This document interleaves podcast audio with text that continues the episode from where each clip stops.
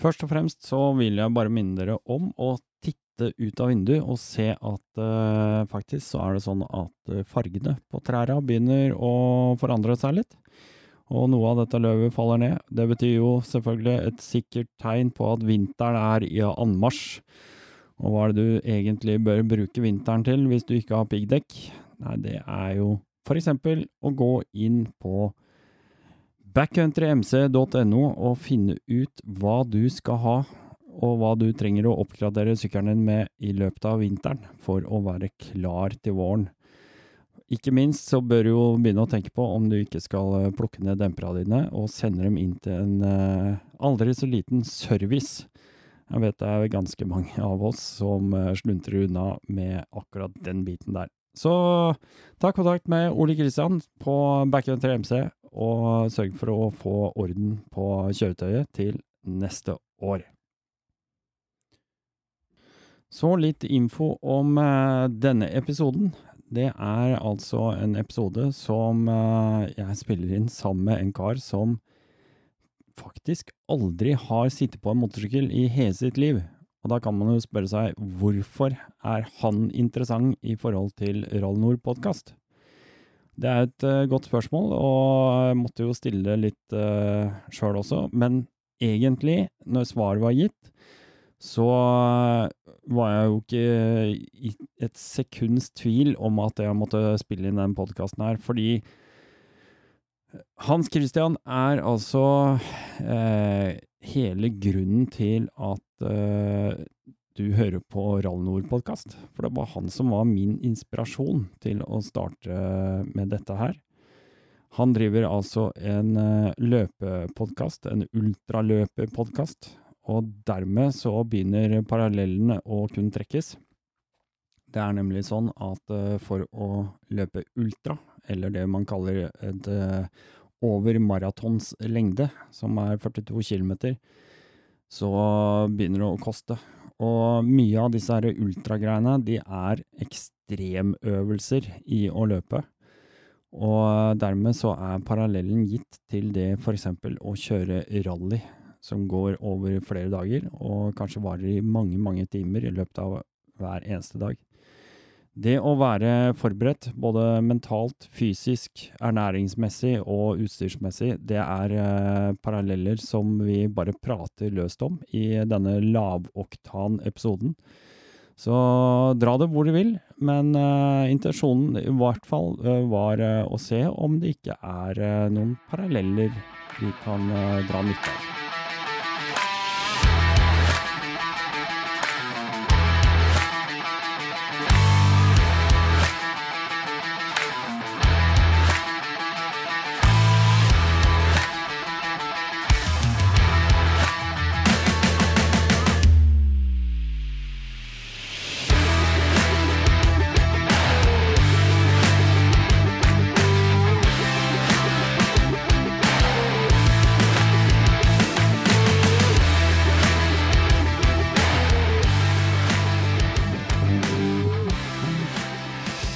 Ja, det er så godt å se dere. Velkommen tilbake til Rall Nord podkast. Det er jo podden som starter. Det er jo asfalten slutter. Uh, og i dag så skal vi faktisk bokstavelig talt prate om rally, men uh, det går jo ganske sånn om hverandre med mye annet. Uh, fordi dagens gjest, han har, for alt jeg veit, han har ikke engang sittet på en motorsykkel i hele sitt liv. Men, Nei, det er sant, det. Aldri, aldri kjørte motorsykkel. Jeg fikk lappen uh, i juni. Ja, på bil? Ja, på bil, ja.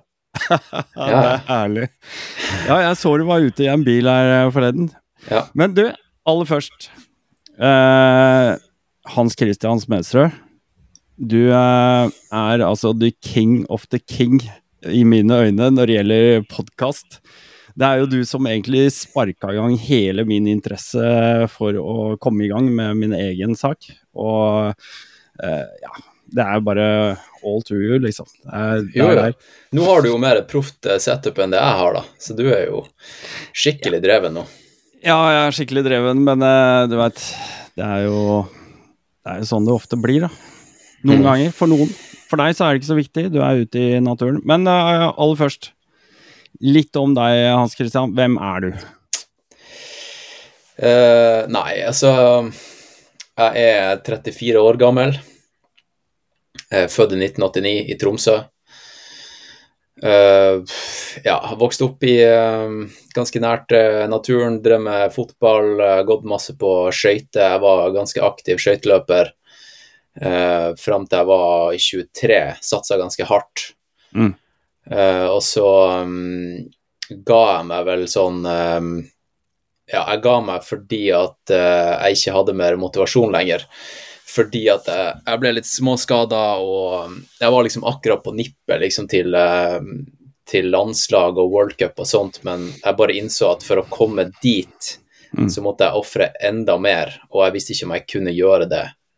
Ikke sant? Og det mm. å liksom gå en sesong, og så perser man med ett hundredel på ja. 500 meter er liksom eh, Når du begynner å stille spørsmål til, eh, til idrett og hvorfor man holder på med det man driver med, da, ja så blir det fort veldig meningsløst. Mm. Så um, da drev jeg også og studerte, og så syntes jeg det var dritartig å, å studere, for jeg gikk um, eh, design og kommunikasjon, digitale medier, og så ja. gikk jeg opp på interaksjonsdesignstudiet og ble eh, interaksjonsdesigner og gikk all in på webutvikling og, design. Uh, og mens jeg gjorde det, så uh, fikk jeg øynene opp for løping, da. Mm. Og det var en eh, kollega som heter Johannes Rummeloff, som inviterte meg til å, å, bli med på et løp som het Tromsø Sky Race, mm. som jeg aldri hadde hørt om. Og jeg var jo fra Tromsø, ikke sant, så jeg tenkte det her må jeg bare bli med på. og så trente jeg meg opp til det et par måneder. Eh, det var 25 km langt og masse høydemeter, skulle over et, Tromsdalstinden, ikke sant. Og um, syntes det var bare dritfett, og noe det var det drøyeste jeg hadde gjort, da. Og fikk skikkelig idretts, tilbake idrettsgleden. Ja. Og så Det var jo liksom Det var jo bare halve distansen på um, det ordentlige løpet under Tromsø Sky Race som gikk over Tromsdalstinden og og Hamperokken, som er et enda drøyere fjell, og tilbake, som var vel 57 km og eh, nesten 5000 høydemeter. Mm. Eh, og så når jeg så folk eh, løpe i mål der, da, inkluderte han eh, Johannes, kompisen min, så tenkte jeg bare det her er det her er det shit, det er det her jeg vil vie livet mitt til. Og så eh, sakte, men sikkert så uh, Ja, jeg, begynte vel å trappe litt ned på jobb. Um, gikk ned til 80 uh, Og så um, Det var vel jeg dro, Var det bare for å trene, liksom, eller var det liksom fordi at du hadde lyst til å satse på trening? Var det derfor du gikk ned Ja, ja. ja, ja, ja. ja. for jeg, jeg jobba sykt mye, ikke sant. Jeg, jeg innså liksom Jeg jobba jo eh, 100, 150 og hvis jeg gikk ned til 80, så kom jeg til å jobbe 100% Ja. eh, og da Det er jo ofte sånn det er, da. Ja. Eh, men jeg, jeg, var jo Før jeg, før jeg trappa ned, så, så, var jeg også litt sånn lei av um, Lei av Oslo, Oslo, by. Jeg ville ut og reise, men um, jeg kunne tenke meg å kombinere det med jobb. Mm. Så da, da snakka jeg med, med, med, sjefen og sa liksom bare det at uh, jeg, jeg, tror jeg skal ta og reise litt. Uh, det er ikke det at jeg ikke liker jobben, men uh, jeg, jeg tror jeg enten trenger permisjon, eller så slutter jeg. Uh, og så sa hun det at eh, vi tenker å åpne opp et eh, kontor i Brasil. I, vi vil inn i, på markedet i Sør-Amerika. Så hvis du har lyst på eventyr, så kan du joine det. Og da, da hoppa jeg jo. Jeg mener, jeg nølte ikke et sekund. Og så, og så ble jeg med til Brasil, uh, og så Ja, det gikk litt tregt med, med, oppstarten av kontoret, det å få kunder og, og, og alt sånt. og jeg så jo det at det, det kom til å gå, men jeg, jeg så ikke helt mitt eh hvorfor det var bruk for meg der. Jeg følte meg litt, litt malplassert. Utilpasset. Ja, så, så og, og, måten jeg på en måte rettferdiggjorde min eksistens i Brasil, det var at eh, jeg jobba Hadde på en måte hjemmekontor fra Brasil og fakturerte timer til norske kunder. Ja. uh, og da tenkte jeg sånn her Hvis hvis jeg kan gjøre det fra Brasil, så kan jeg gjøre det fra hvor som helst. Ja. Og eh, da, da, ringte jeg bare sjefen og så sa jeg, jeg sa akkurat det. Uh, gjør det noe om jeg bare egentlig bare stikker andre steder? Og så dro jeg til, uh, til Peru, for jeg var ganske nysgjerrig på, på Andesfjellene og, og, og, hvordan det var der. Og mm, så hadde jeg da hjemmekontor fra Kusko mm. uh, i tre måneder, tror jeg det var. og da det var bare eventyr. Altså, jeg tok eh Da måtte jeg opp i tre-fire-tida på natta ikke sant, for å tilpasse meg norske møte, møtevirksomhet. ikke sant? Og så, så jobba jeg liksom fra klokka fire til klokka 11-12 eh, på dagen, og så stakk jeg ut i fjellet. Ja. Og i helgen så dro jeg ute på lengre eventyr, da. Eh, og så så kom jeg tilbake til Norge etter hvert, og så så innså jeg det at uh, livet besto av mer enn en bare jobb. Jeg ville opprettholde den eventyrslivsstilen. så um, jeg, jeg trappa ned, og etter hvert så sa jeg opp jobben, og så fikk jeg en annen jobb som var 60% på Norges kreative fagskole. Og um, da jobba jeg som litt sånn Ja, jeg jobba som lærer og um, bygde opp et, eh, noe som vi kalte for Designlaben, som var et sånn eh, kreativt eh, område for studentene, der de kunne komme under skoletida og etter skoletid og egentlig bare være kreativ. Det var liksom mm. laserskjærer, 3D-printer, VR-setup og jeg kunne fungere som en, som en holdt på å si, leksehjelp og, og mentor, da, og lage kaffe og bare sørge for at studentene hadde det dritfett. Eh, jeg kjørte masse kurs i, i laserskjæreren og sånt, så um, og, og, og, ikke sant, underveis så, så hadde jeg jo starta podkasten. Ja, for det, det, er altså Neda, eller nå er det alvor? Ja, så den starta jeg eh, Ja, det Jeg lurer på om det var slutten av 2017. Se der, da. jeg starta den i begynnelsen av, av 2018, tror jeg det var. Ja. Og så um, så har det på en måte bare vært eh, litt sånn love child eller eh, hobbyprosjekt på si eh, ja. siden da. Og, og så eh, begynte jeg ganske tidlig Jeg tror jeg var en av de første i Norge som uh, eh, oppretta en Patrion-konto, eh, som mm. er en sånn crowdfundingsportal, der folk kan spytte inn en slant hvis de setter pris på innholdet mm. man lager, ikke sant. Mm. Og så Mens jeg jobba på den skolen, så, så, så oppretta jeg den, den, kontoen, og så, så, begynte jeg å tjene litt penger. Ikke, ikke all verdens, men jeg begynte liksom å skjønne det at ok, hvis det er 100 mennesker som eller 150 mennesker som er villige til å, til å betale for det her nisjete innholdet, eh, så kanskje det er flere der ute som, som eh, er gira på det. Mm. Og så um, husker jeg veldig godt at uh, at uh, jeg tror jeg tjente Jeg fikk en uh, en payslip fra, fra Patrion på 2000 norske kroner. Og da, og da brukte jeg, jeg jeg, tror det var litt, jeg tror kanskje det var 5000.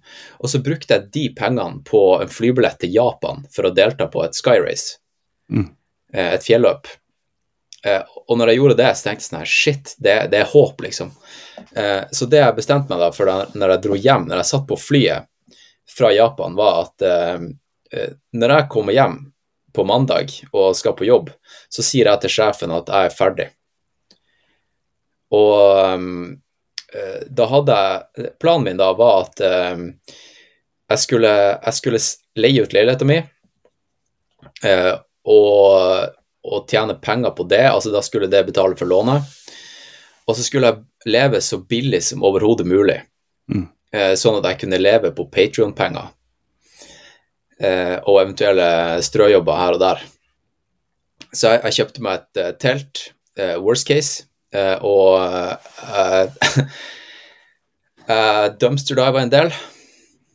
og, og kjøpte en flybillett til til Nei, det var vel til Pyreneene i Spania. Ja. Og, så, og, så, bodde jeg i telt, eh, reiste rundt i, i, Alpene og ned i Europa, og jeg, Jeg kjøpte meg et, en interrail-billett som varte i tre måneder.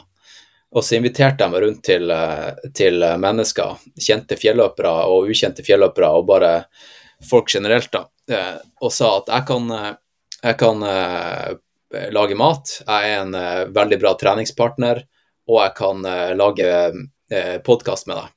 Så hvis du har lyst til å bli promotert som, eh, som fjellsportutøver, så er det eh, en ypperlig mulighet. Jeg kan komme på besøk til deg, vi kan gjøre podkast, vi kan trene masse. Eh, hvis jeg får lov til å crashe på sofaen din. Mm.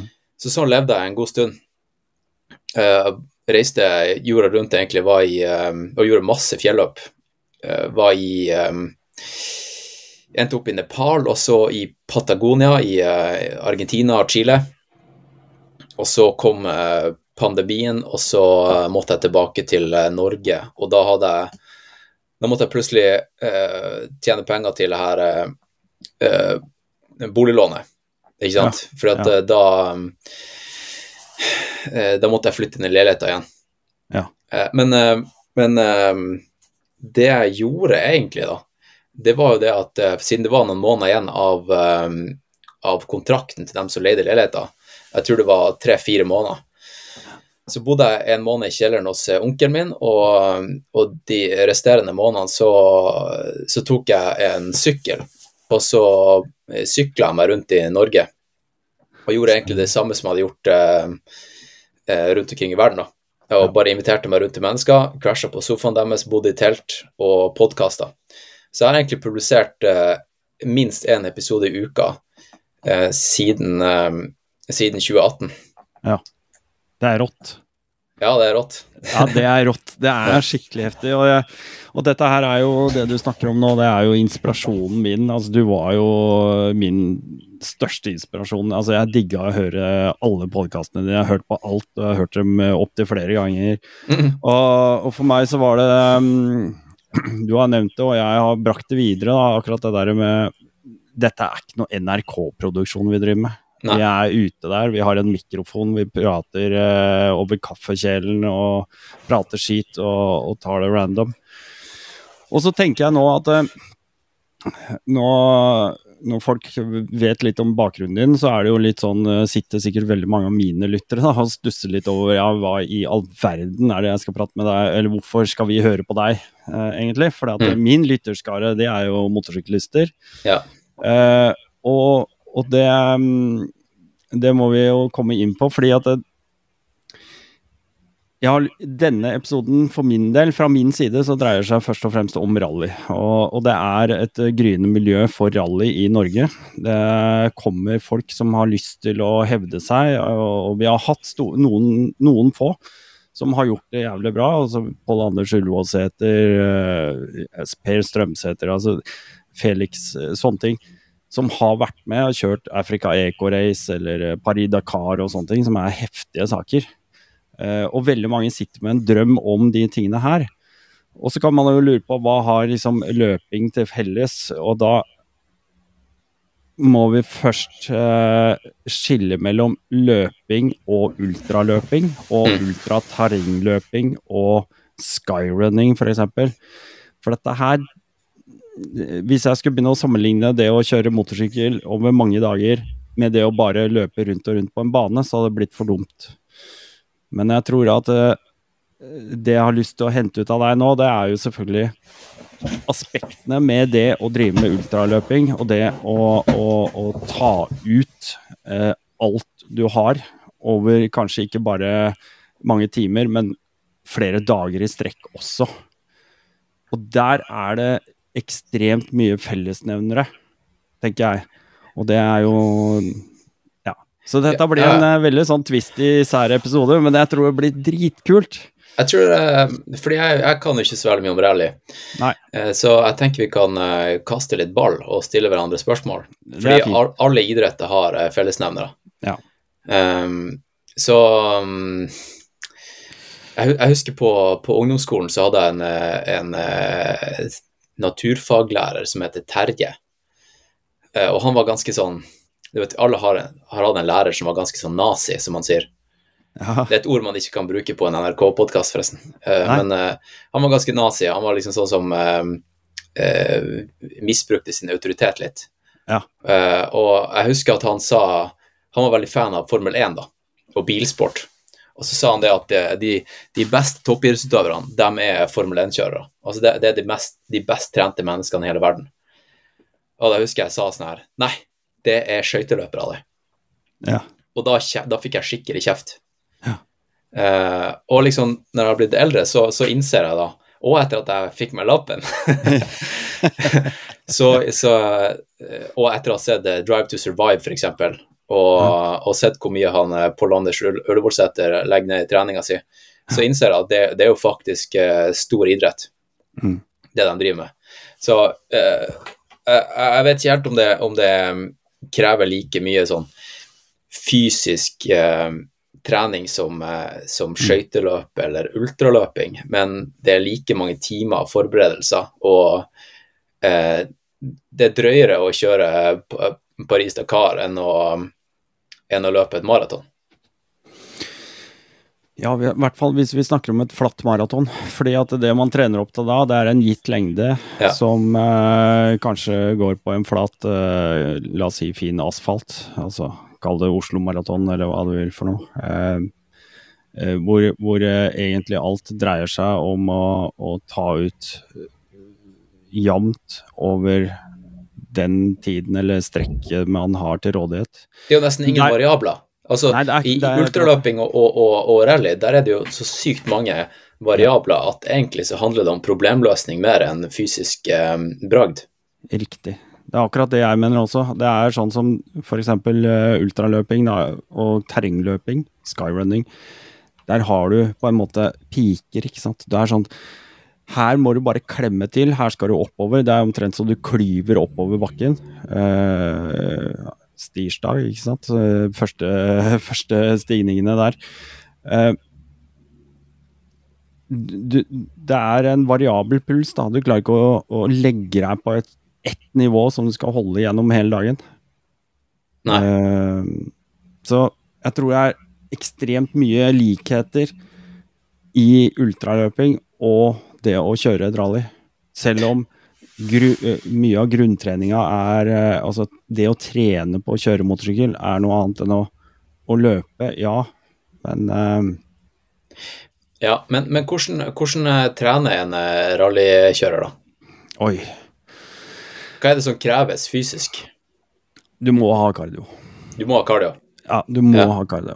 Altså, vi nevnte Pål Anders Ulvåsæter. Nå, nå skal jeg ikke ta alt ut uh, derfra, men, men jeg har jo hørt folk uh, Nå har ikke jeg snakka med han selv, men uh, som snakker om hvordan han trener på.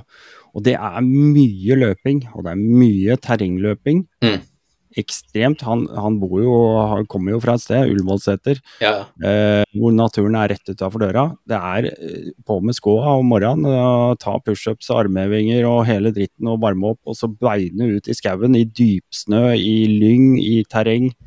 Klyve, laste.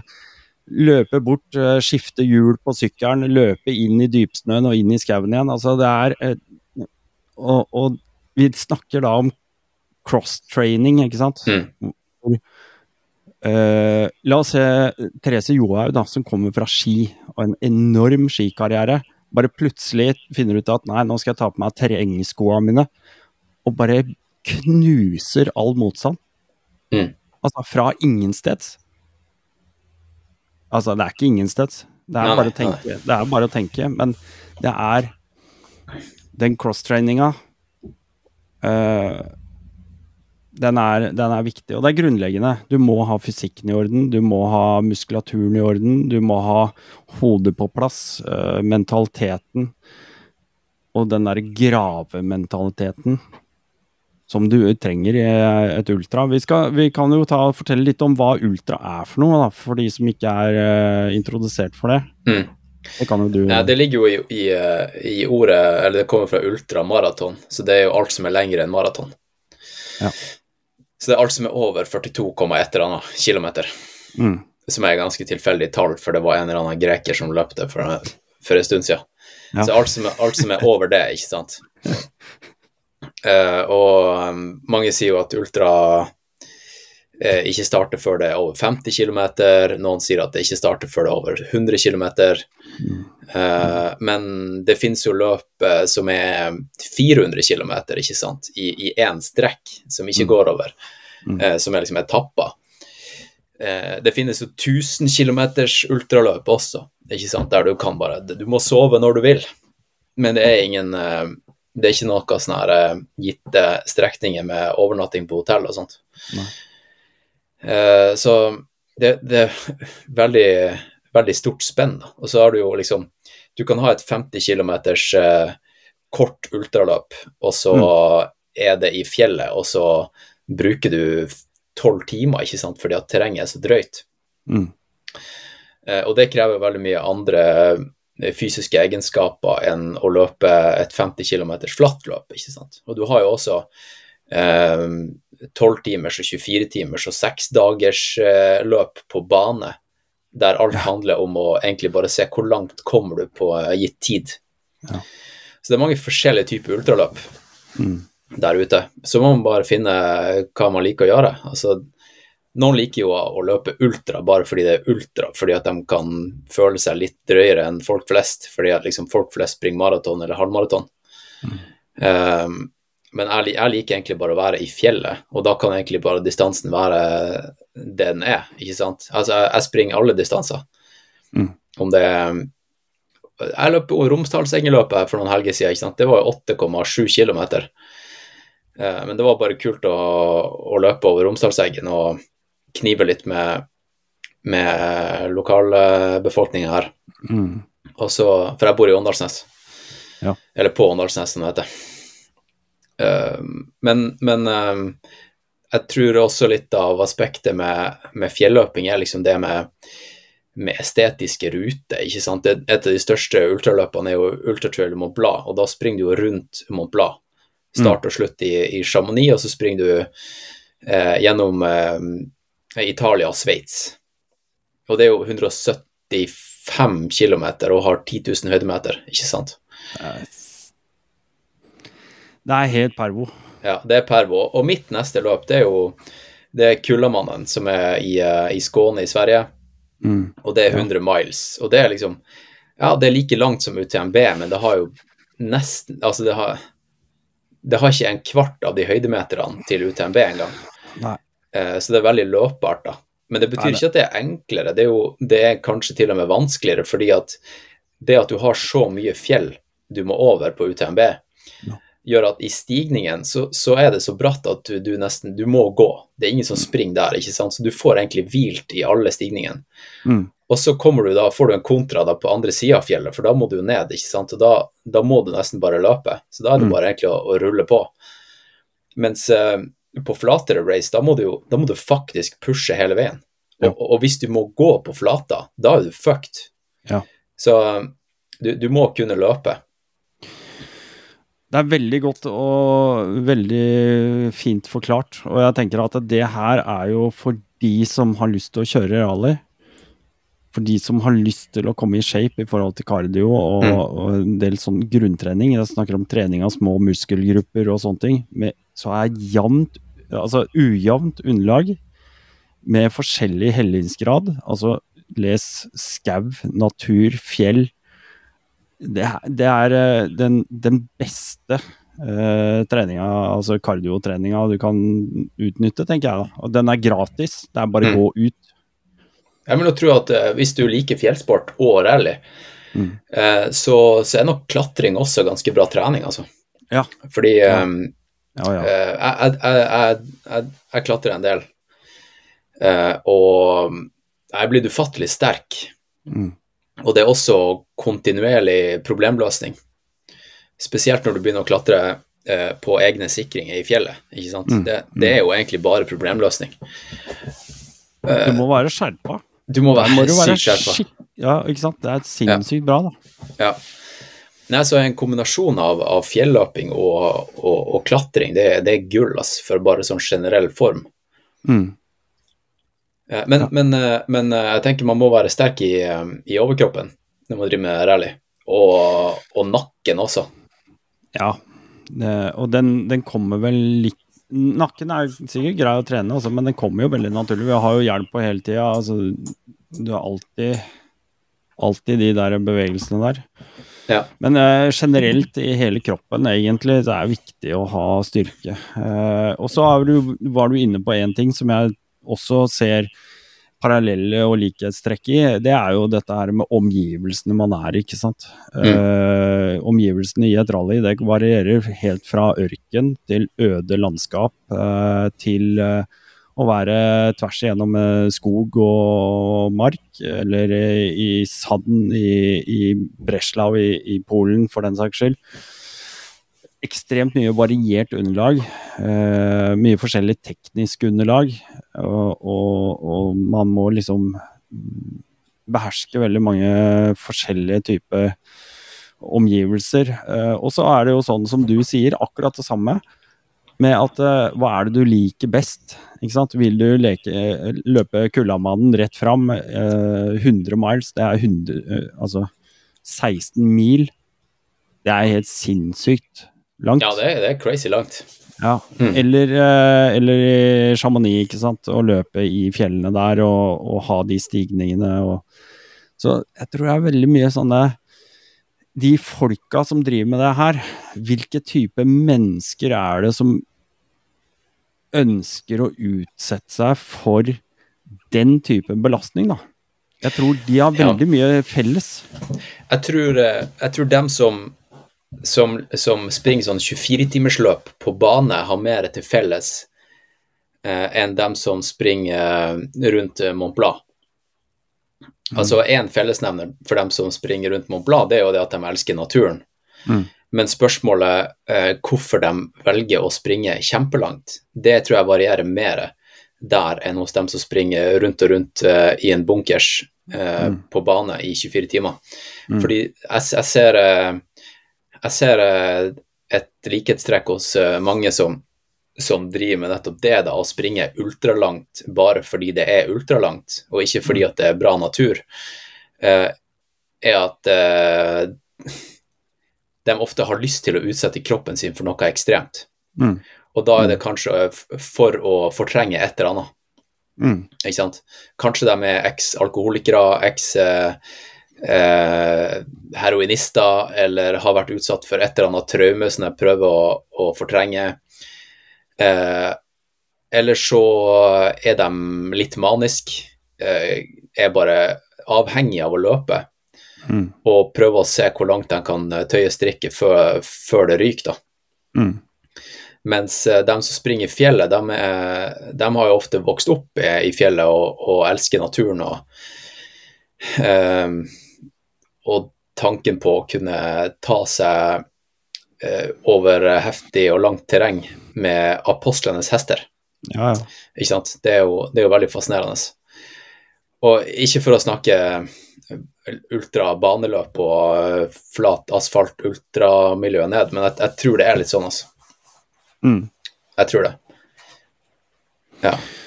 Ja, jeg, jeg tror, du har, eh, tror du har helt rett. Og jeg tenker eh, det er litt viktig å tilføye. Jeg, jeg starta jo å løpe i veldig voksen alder. Altså Jeg Mm. var jo 43 eller noe sånt ikke sant? da jeg fant ut at nå skal jeg ha på meg joggeskoa. Og det var jo ene og alene fordi jeg hadde gjennom jobben eh, Eller i 2017 så var jeg alvorlig, alvorlig sjuk. Jeg jeg fikk nevroborreliose etter et sånn flåttbitt.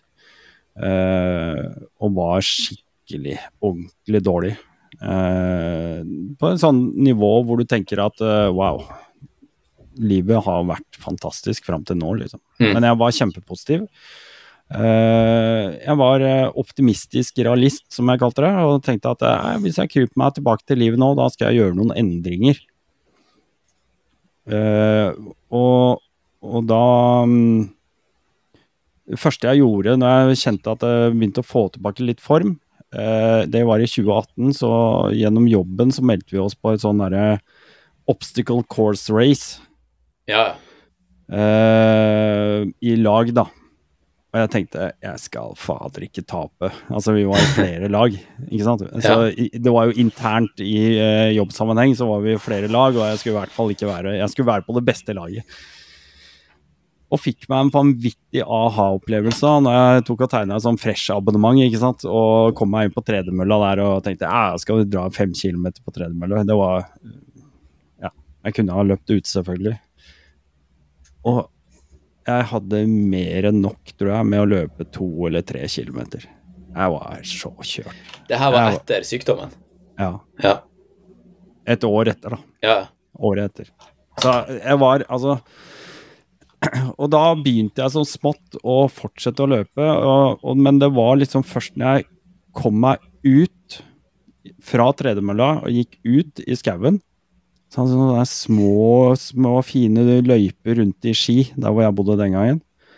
Med litt sånn der kupert terreng og sånne ting. Den følelsen jeg begynte å få, for at kondis, kardio det kommer ganske fort tilbake på et uh, visst anstendig nivå, i hvert fall. Eh, men den følelsen mentalt med å være ute, med å liksom bare la beina bare flytte seg én fot foran den andre, og liksom bare skli gjennom naturen, ut på en tursti, liksom tråkke litt skeivt på en stein. Alt det der ga meg sånne barndomsminner. Ekstrem følelse av lykke og barndomsminne. liksom. Ja. Jeg, bare, jeg var sliten, men jeg smilte som faen. Jeg syntes det var så deilig. Det er det det handler om, ass. Det er det det Mm. handler om. Ekstrem lykke. og det er helse, ikke sant? Ja, Det er jo ikke hvor, hvor bra stand hjertet ditt er i, det er Nei. hvordan du har det mentalt. Ja. Derfor tror jeg liksom man kan uh, si at uh, overvektige folk kan også være, være sunne.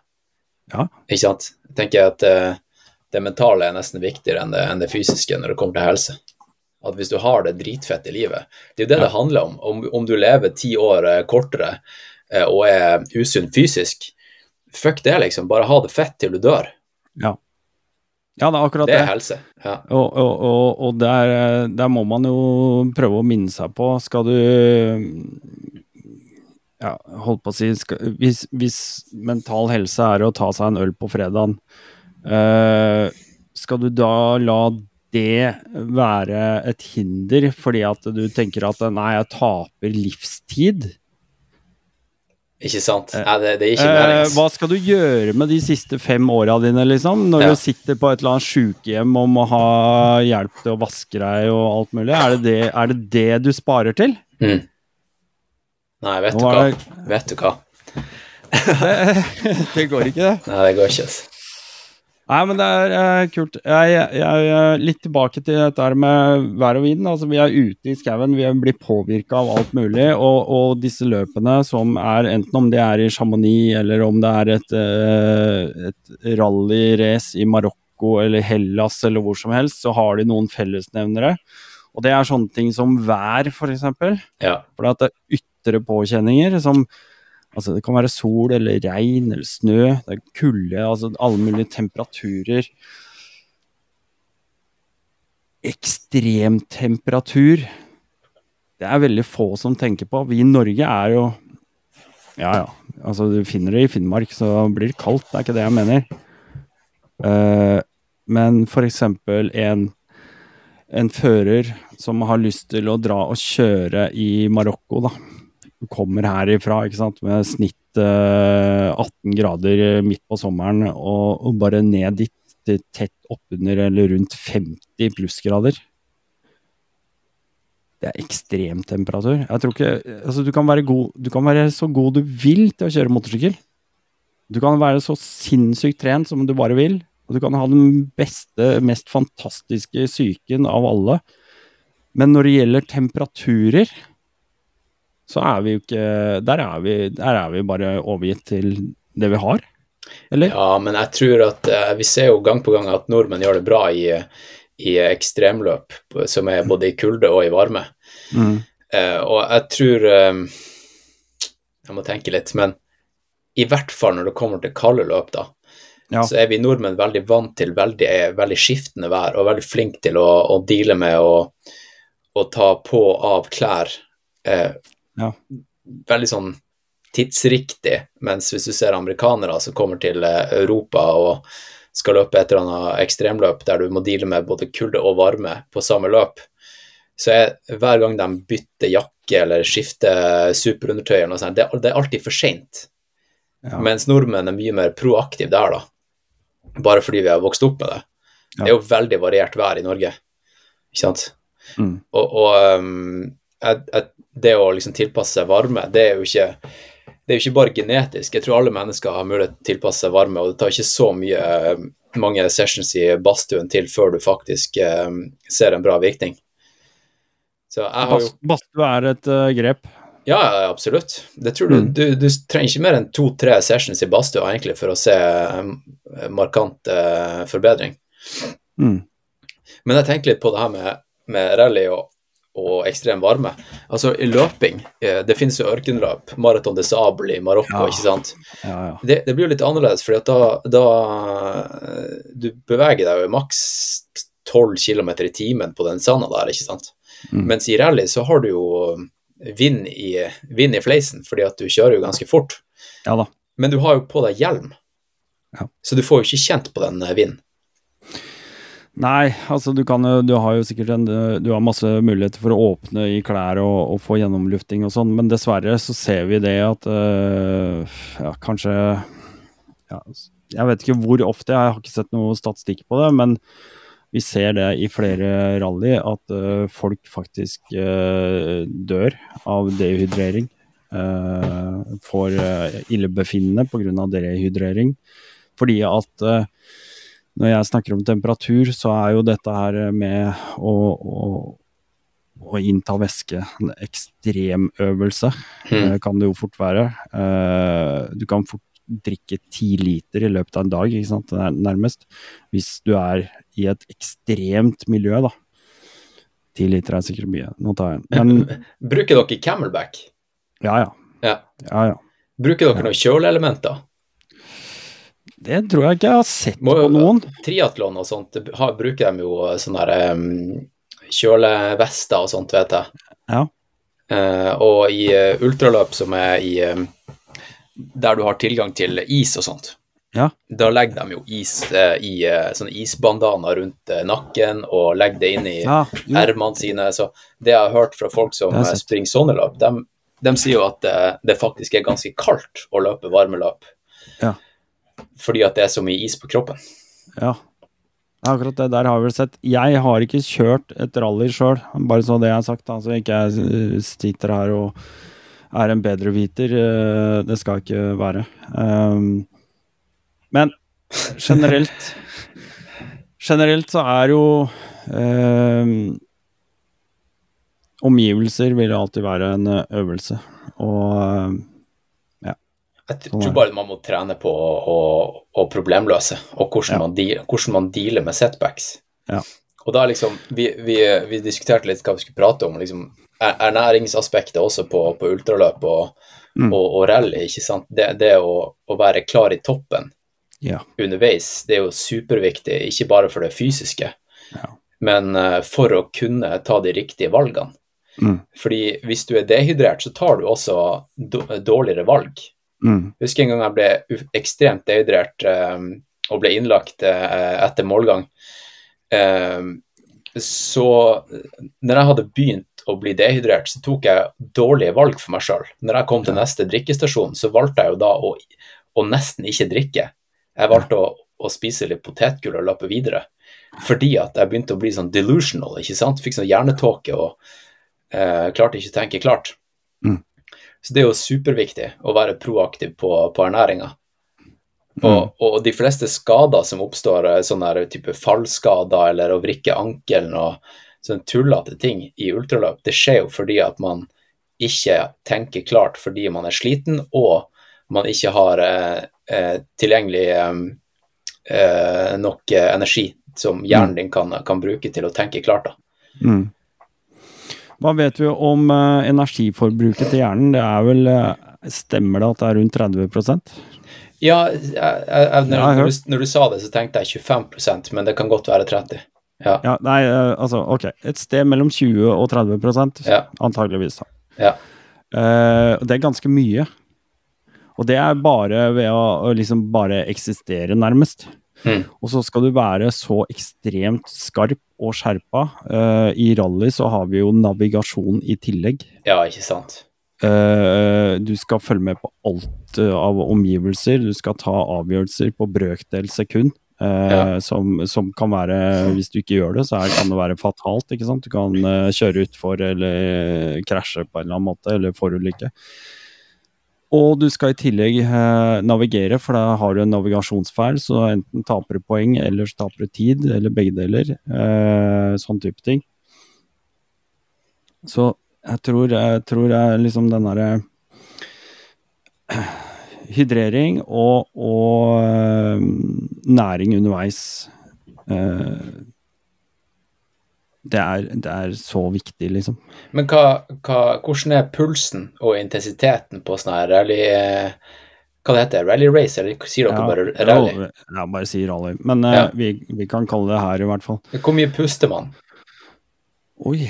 uh, pulsen kan nok eh, være ekstremt høy, og du må tenke på det er noen ganger man kan kjøre seg fast. Man kan hvelve, man kan eh, miste sykkelen et eller annet sted. Den ligger opp ned på huet, og man skal da i tillegg til å komme rett ut fra høy puls, ned og begynne å løfte tungt. Mm. Ikke sant? Dette er jo sykler som fort veier en 150 kilo, i hvert fall. Uh, og så skal du begynne å, å rocke litt på det. Du kan jo prøve å flytte litt på stein mens du løper. Uh, se om du altså, Sånne type ting. Uh, det kan eh, fort bli makspult ut av mange, mange øyeblikk. Da. Ja, for jeg bare tenker på hvilken type næring som er viktig å, å få i seg underveis i et løp, da. Mm. Altså i, i et rally.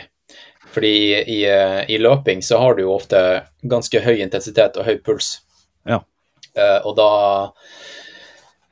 er det jo viktig å få i seg karbohydrater. Ikke sant? Sukker er, Mm. er bensin. Mm. Mens eh, hvis, du har, eh, hvis du har litt lavere intensitet, så, så er ikke det så viktig å pøse på med liksom 70 gram karbohydrater i timen. Nei. Uh, men det, det er jo veldig, veldig effektiv næring, da. Så det, det, er jo, det er jo veldig rask brensel, karbohydrater. Mm. Men jeg bare lurer på, vet du om noen, eh, noen rallyfolk som, som driver med lavkarbo og sånt? Fordi at liksom man har lavere puls og ha, at hjernen klarer å At man har mer stabilt blodsukker, da. det er det jeg tenker på. At du ikke har så mye ups and downs. Fordi i ultraløp så pøser du bare på med karbohydrater hele veien. Ja. Nei, jeg vil jo tro at uh, den som vet mest om sånne ting i Norge i dag, det er jo Pål Anders Ullevålsæter sjøl. Han har sikkert uh, vært og trent masse med toppidrettssentre og, og sånne ting, hvor de måler og, og tar ut alle mulige grafer og alt mulig. Og har eh, ekstrem peiling på det. Jeg tror jeg veldig mange eh, De fleste førerne i Norge i dag vil nok være litt sånn der happy go lucky. Eh, og, og kanskje jeg sier ikke at de ikke har fokus på å få i seg væske og næring og sånne ting. Er bare Jeg vil egentlig bare sette to strekker under hvor viktig det er, da.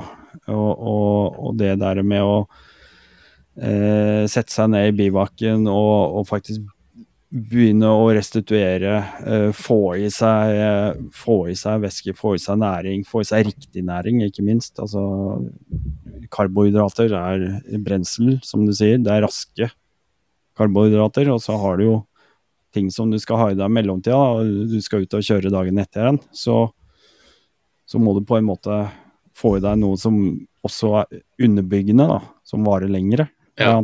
Ja, det er jo det at liksom Er man ute og springer og, på trening, eller også under, underveis i et løp, så det handler jo ikke bare om prestasjon på den økta eller det løpet. Mm. Det handler jo om eh, hvor lang tid du bruker til å hente deg inn til neste økt. Mm.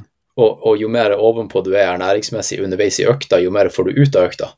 Mm. Ikke sant? Hvis du, hvis du springer ut på en hard intervalløkt eh, på morgenen uten å ha spist frokost, ja, det går sikkert bra, men hvis du faster en hel dag, da, Mm. eh, så får du mindre ut av økta. Så Ja. um, ja, det er jo superviktig. Ja, nei, det er klart at et rally vil ha mye flate partier eh, med, med mm, lavere heartbeats, for å si det sånn. Ja. Uh, vi bærer mange strekker som bare er transportetapper, eller som uh, er enkle, da. Det er litt mer, litt mer som langrenn, da. At du kan liksom bare eh, ta, ta, noen, eh, noen harde tak over en kneik, og så kan du cruise. Ja, litt sånn. Ja. Litt sånn tror jeg det kan være. Ok, et lite kjapt avbrekk her i denne ordinære episoden. Selvfølgelig har dette her vært tilgjengelig for patrients allerede en god stund. Eh, det er jo tross alt patrients som sørger for at du får denne podkasten.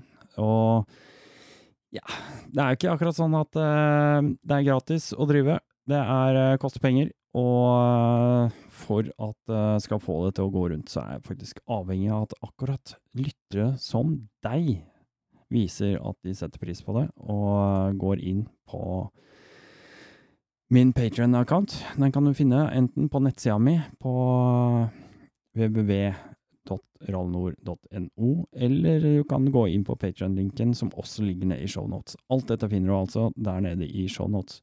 Trykk deg inn på linken, og bli Patrion i dag du også. Det hadde jeg satt ekstremt stor pris på. Så takk på forhånd, da koster deg bare to eller fire liter bensin i måneden. Det tror jeg. Ja. Men, eh, men, i forhold til La oss si, eh, skal vi ta et sånn eh, tøft utgangspunkt her, et rally som går over fem-seks dager, mm. f.eks. Hvordan skal man ernæringsmessig forberede seg til det her da, i, i forkant? Eh, bygge opp, eh, bygge opp lagrene, for å si det på den måten. Da, da er spørsmålet mitt hvor mange timer er det man kjører om dagen? Og det kan fort bli eh, alt fra sju til tolv. Shit, ass. Det er hardt. Mm. Ja, og kanskje mer enn det også, noen ganger. Mm. Nei, altså, jeg, jeg, jeg, tror ikke Jo mer jeg har eksperimentert og jeg, liksom, jeg har gått, gått til verks på ernæring, da, Mm. Det, det, er jo litt sånn som med alt, da, at jo mer du går til verks og, og, leser deg opp på ting, så jo mer skjønner du at du ikke skjønner noe. Men, men, men, men um, det jeg har kommet fram til, da, etter å ha drevet med, med f.eks. carboloading og liksom eh, prøvd å få i meg x antall gram den uka før racet og alt sånt der, mm. er at eh, det påfører enda mer stress, og, og stress på magen og mm fordøyelsessystemet og, og, gjøre noe nytt som du ikke er vant til. Det er mm. liksom å, å få inn liksom 500 gram carbs eh, de tre dagene ledende opp til racet. Eh, det er ganske uvant, da, det å plutselig liksom ja, gjøre noe ja. nytt. Så jeg, jeg, jeg, jeg, er veldig fan av å ikke gjøre noe nytt og uvant for kroppen uh, før, før, et race, altså tror så, så lenge du gjør, um, gjør, ting som du er vant til, og, og, og det ikke er noe nytt, så, så, tror jeg man klarer å ha um, ikke, ikke stresse før et race, det er vel egentlig det viktigste. Å sove godt, ikke sant. Det er vel mm. egentlig nesten viktigere mm. og sove godt. Ja. Sånne ting som f.eks. Uh, Fuel of Norway, da. Ja. La oss si. Ja. Uh, kjenner du til det, eller? Ja, jeg, bruk, jeg, jeg bruker Vi har, vi har en, uh, en, deal med podkasten med Fuel ja. of Norway, så det, med rabattkode og sånt. Så, ja. og, og, og, jeg er veldig sånn at uh, jeg går ikke inn i noe samarbeid med, med noen som bare vil bruke podkasten som reklameplattform. Jeg må også være fan av produktet. da. Ja. Jeg bruker utelukkende Fuel of Norway i, i løp. da. Mm. Sånn, jeg er ikke eh, sponsa av det heller. Jeg, jeg betaler jeg, Nå har jeg en batch uh, med loaded fuel vei, uh, på vei til meg i posten, som jeg har kjøpt, liksom. Så det, jeg, er ikke, ja. jeg er ikke kjøpt og betalt. Men jeg, jeg bruker Fuel of Norway. Mm. Mm. Uh, jeg tenker på Det har vært mye sånne diskusjoner jeg har hørt på dine podkaster tidligere da, angående eh, sånne ting. Uh, jeg tviler ikke på at uh, Fuel of Norway er en av de bra, bra tingene, men folk kan reagere litt forskjellig på disse produktene, kan du ikke det? Jo, jo, jo. Sånn er det jo med alt. Altså, jeg, mm. jeg, jeg, jeg testa Tailwind, som er et annet sånn sportsdrikkmerke, og det funker ikke for meg i det hele tatt. Og ja. sammen med Morten, et annet merke. Riktig. Får bare diaré med en gang, liksom. Ja. Og dem som reklamerer med at det er så bra for magen. Ja. Uh, og, mens Fuel of Norway funker for meg. Mm. Og sånn er det med løpesko også. Altså, du har folk som uh, er ute og er liksom religiøse med et skomerke, men det er jo fordi de funker for deg. Mm. Du må, Man må bare finne noe som funker for seg, og så er det det du må, må holde deg til. Og, og en dag så kanskje man uh, det ikke funker lenger, fordi eh, magen din ikke har endra seg. Altså hele bakteriefloraen har jo, er ikke den samme fra, fra, år til år, eller fra dag Mm. til dag, for den saks skyld. Så det skal ikke si at uh, Fuel of Norway funker for meg neste år. Nei. Så det som jeg egentlig vil fram til nå, som, som på en måte det du implisitt sier her, det er at eh, du må prøve deg fram med de produktene du har tenkt å ta med deg til race day. Ja, ja. Eh, de må ha Du må ha førstehåndskunnskap, du må ha testa det ut, du må ha prøvd det og, og liksom sjekka at det funker for deg. Det er noe med det Du kan godt sitte hjemme og, og klemme i deg en pose med et eller annet og synes at det var helt greit, men det er med en gang du begynner å jobbe og slite og magen uh, er litt nesten litt uvel fordi du har mye sommerfugler og alt mulig samtidig. Det er den påvirkninga som Det er da du får testa det. Absolutt. Og um, ja, jeg var ute på en langtur i, i, i forgårs. Mm. Og, da, og da Det var liksom en sånn her Da, da løp jeg i åtte-ni timer. Uh, og det var altså for å teste magen, sant. Mm. Fordi um, jeg kommer til å løpe i um, ja, la oss si 20 timer da, på Kullamannen. Uh, og da må du vite liksom, hvordan kroppen din reagerer på næring etter et, etter syv-åtte timer. sant? Ja. Eh, fordi noe kan funke den første timen, og så kan det ikke funke i time seks. Riktig. Eh, så det, da hadde jeg med meg Fuel of Norway, og så hadde jeg med meg eh, havrebars fra Urkraft. Og så hadde jeg med meg eh, en ziplock-bag med risotto som var fra gårsdagens middag. Som Ja. jeg bare hadde skvisa masse honning og salt og litt peanøttsmør oppi. Ja, og det der digger jeg med deg, for at du har, du har hatt noen sånne episoder med oppskrifter på diverse boller og mye sånne rare ting. Eh, som ikke virker veldig naturlig da, når du først står på kjøkkenet og skal lage noe kos til eh, lørdagskvelden. Så er det liksom ikke det første du tenker på er risotto med honning. Liksom. Det er eh, Ja, eksperimentere med de tingene som man vet eh, er eh, næringsholdige, og, og som man kan ha behov for. Eh, og rett og slett bare tørre å smekke det sammen. Ja, ikke sant. Jeg, tenker det er jo eh, det, det, det, det, er alt, det er alt det handler om. Og for noen så, så funker ikke havre. For meg så funker havre dritbra, men andre får diaré av det. Til og med når de bare spiser frokost. Ja. Men det, ja, det vet de jo, dem som det angår. Men uh, man kan ikke bare høre på en eller annen influencer og kjøpe et produkt og forvente at det går bra. Men i rally så er det jo sånn her eh, Selve sykkelen, mm. uh, eller kjøretøyet, da, Mm. det er ikke noe du fucker med før uh, race day, mens eh, løpere de kan jo være helt idiot og kjøpe seg nye løpesko og ikke ha brukt dem før de, uh, før de står på start, ikke sant. Ja. Så, men, mens liksom i, løping er det like viktig som i rally å, å være sikker på utstyret sitt. og Man springer med sekk, eh, du springer med ting i sekken, eh, og det må du trene på Ja. masse før du stiller til start på et 100 miles løp, ikke sant? For at du får sånn her var, etter, etter syv timer, nei, etter seks timer på lørdag, så begynte jeg å få gnagsår inne i rumpehullet. Ja. Ikke sant? Ja. Og, og, og da visste jeg sånn her, ok, men det er to timer igjen, det går helt fint. Men hvis det hadde skjedd på Kullemannen, og det er 15 timer igjen, da er du fucked. Da er du kjørt. Og, og jeg hadde ikke med meg noe vaselin eller noe sånn bodyglide.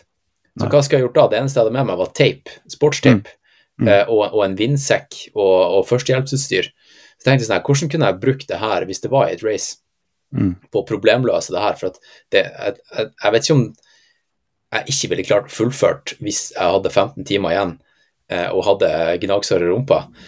Men, men eh, det ville vært ekstremt smertefullt. Så jeg lurer på om sånn her, jeg kunne jo brukt teip, da, og bare teipa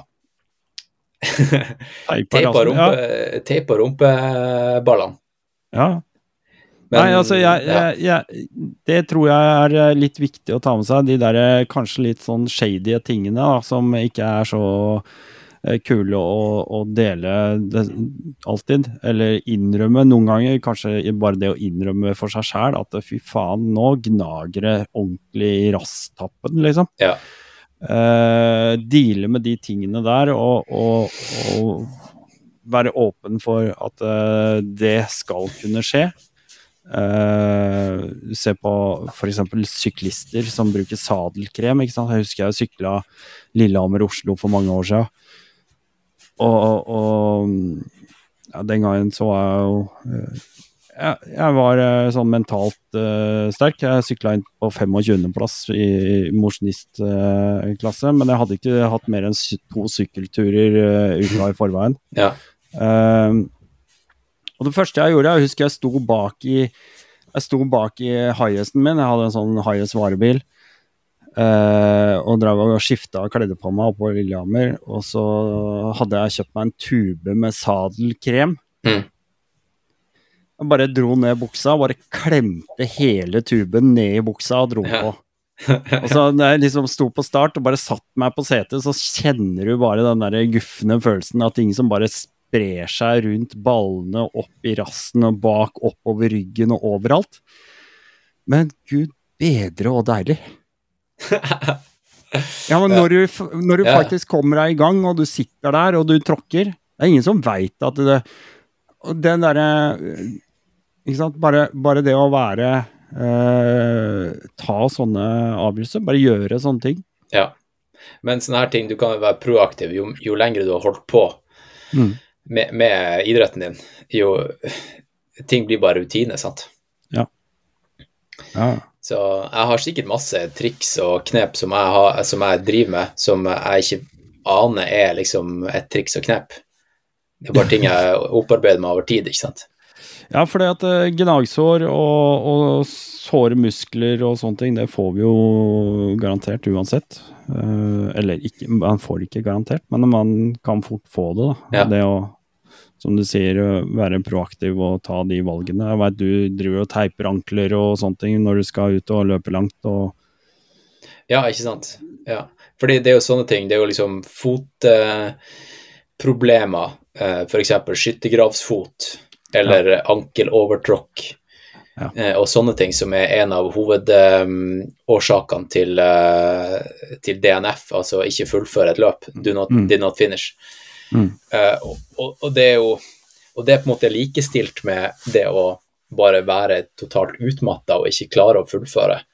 Mm. Så det er nesten viktigere å ha alt det praktiske på plass enn å faktisk være i fysisk bra shape. Ja, for hvis vi litt, går litt inn i dybden på det, da, hvis du først begynner å gnage et sted, så det begynner å bli jævla vondt, mm. eller du begynner å oppstå en ordentlig seriøs blemme som kan bli et problem, for at med en gang du får en blemme som er en femmer stor, så plutselig forsvinner den huden. Ikke sant? Det er bare ja. så mye som skal til, og så er faktisk eh, Da er det shit hits the fan, for det Uh, da er ikke det en liten sånn uh, posepute lenger. Det er faktisk rett inn på underhuden og, og lager et helvete. Og, ja, altså får du en liten stein i, i, i skoen, så må ja. du ta den med én gang. Ja. Ikke sant? Du, har, ja. du, må ikke vente et sekund. Og uh, i morgen skal jeg intervjue ei som, som sprang UTMB, altså rundt uh, Mont Blanc. Mm. Hun fullførte ikke fordi hun fikk skyttergravsfot. Og, og, hun er ekstremt flink til å pushe seg sjøl. Mm. En av de bedre, vil jeg si. Og hun pusha seg så langt eh, til at hun besvimte og kunne ikke fullføre. Ikke mm. Det handla ikke om at hun var en pussy og, og, valgte å ikke fullføre fordi at det var så vondt. Det var da at kroppen sa stopp fordi det var så vondt. Mm. Da er det ille. Og det, ja, og det er litt av den derre da tenker jeg på det mentale da, og psyken som skal til. Eh, både for å, å, liksom holde ut smerten, men det å, å liksom grave skikkelig dypt i seg sjæl eh, for å nå et mål, da. Mm. Hvor, hvor, viktig er det i, i ultra? Det er jo det som er artig med ultra, er liksom at du du kan hente veldig mye på akkurat det å bare være flink til å grinde. Mm. Og, og da, da, kommer liksom spørsmålet inn Hvorfor skal man gidde å grinde? Ja. Hvorfor, hvorfor, gjør man det man gjør? Og det, det spørsmålet har du vel sikkert eh, Må man stille seg sjøl i, i, rally også. Hvorfor gidder jeg det her? Jeg kunne, ja. jeg kunne sittet på sofaen, eller jeg kunne løpt et halvmaraton på asfalt ja. i, uh, i, Oslo, liksom. Det er mange en, som spør seg om de. Ja. Nei, så da må du ha det svaret klart. Og så Alle har jo forskjellige svar.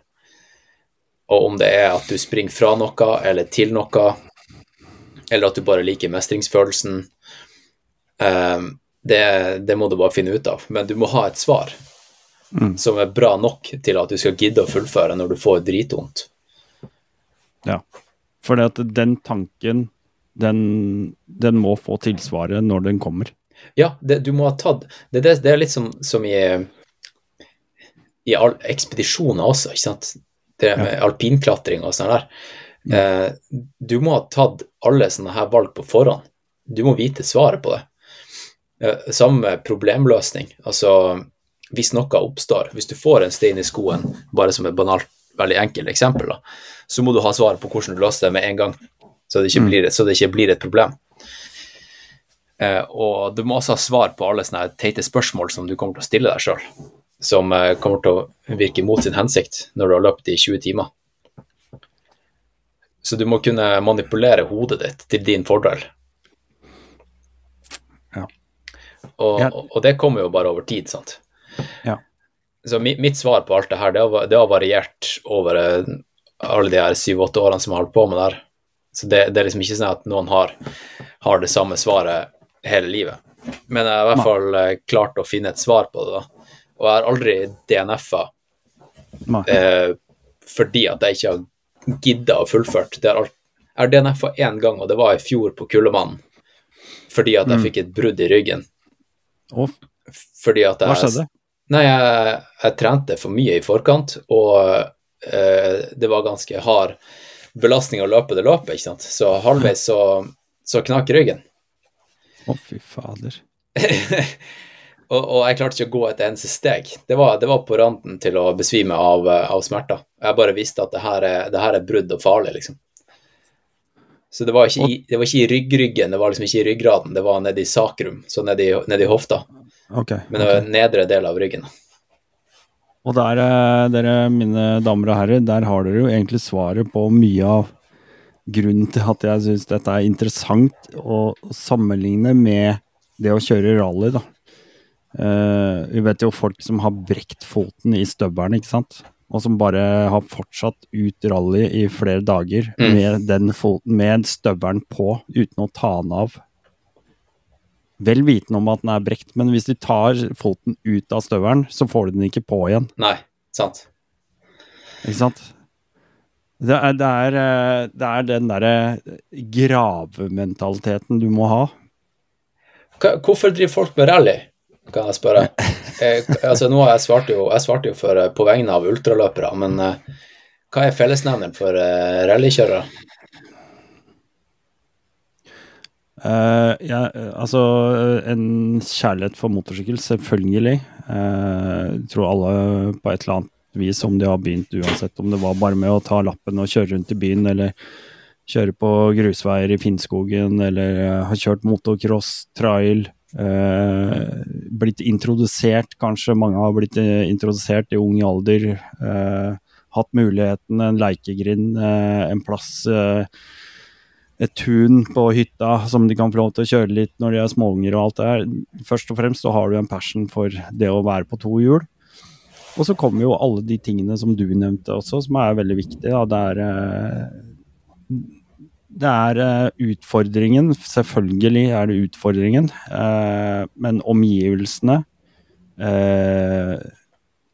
og, og det, som du sier også, det å finne svaret på hvorfor driver jeg med det her, det, det tror jeg er veldig individuelt, da. Um, tror jeg er mange svar til det, men fellesnevnerne er veldig like, tror jeg. Um, og så har du jo det er, det er, jo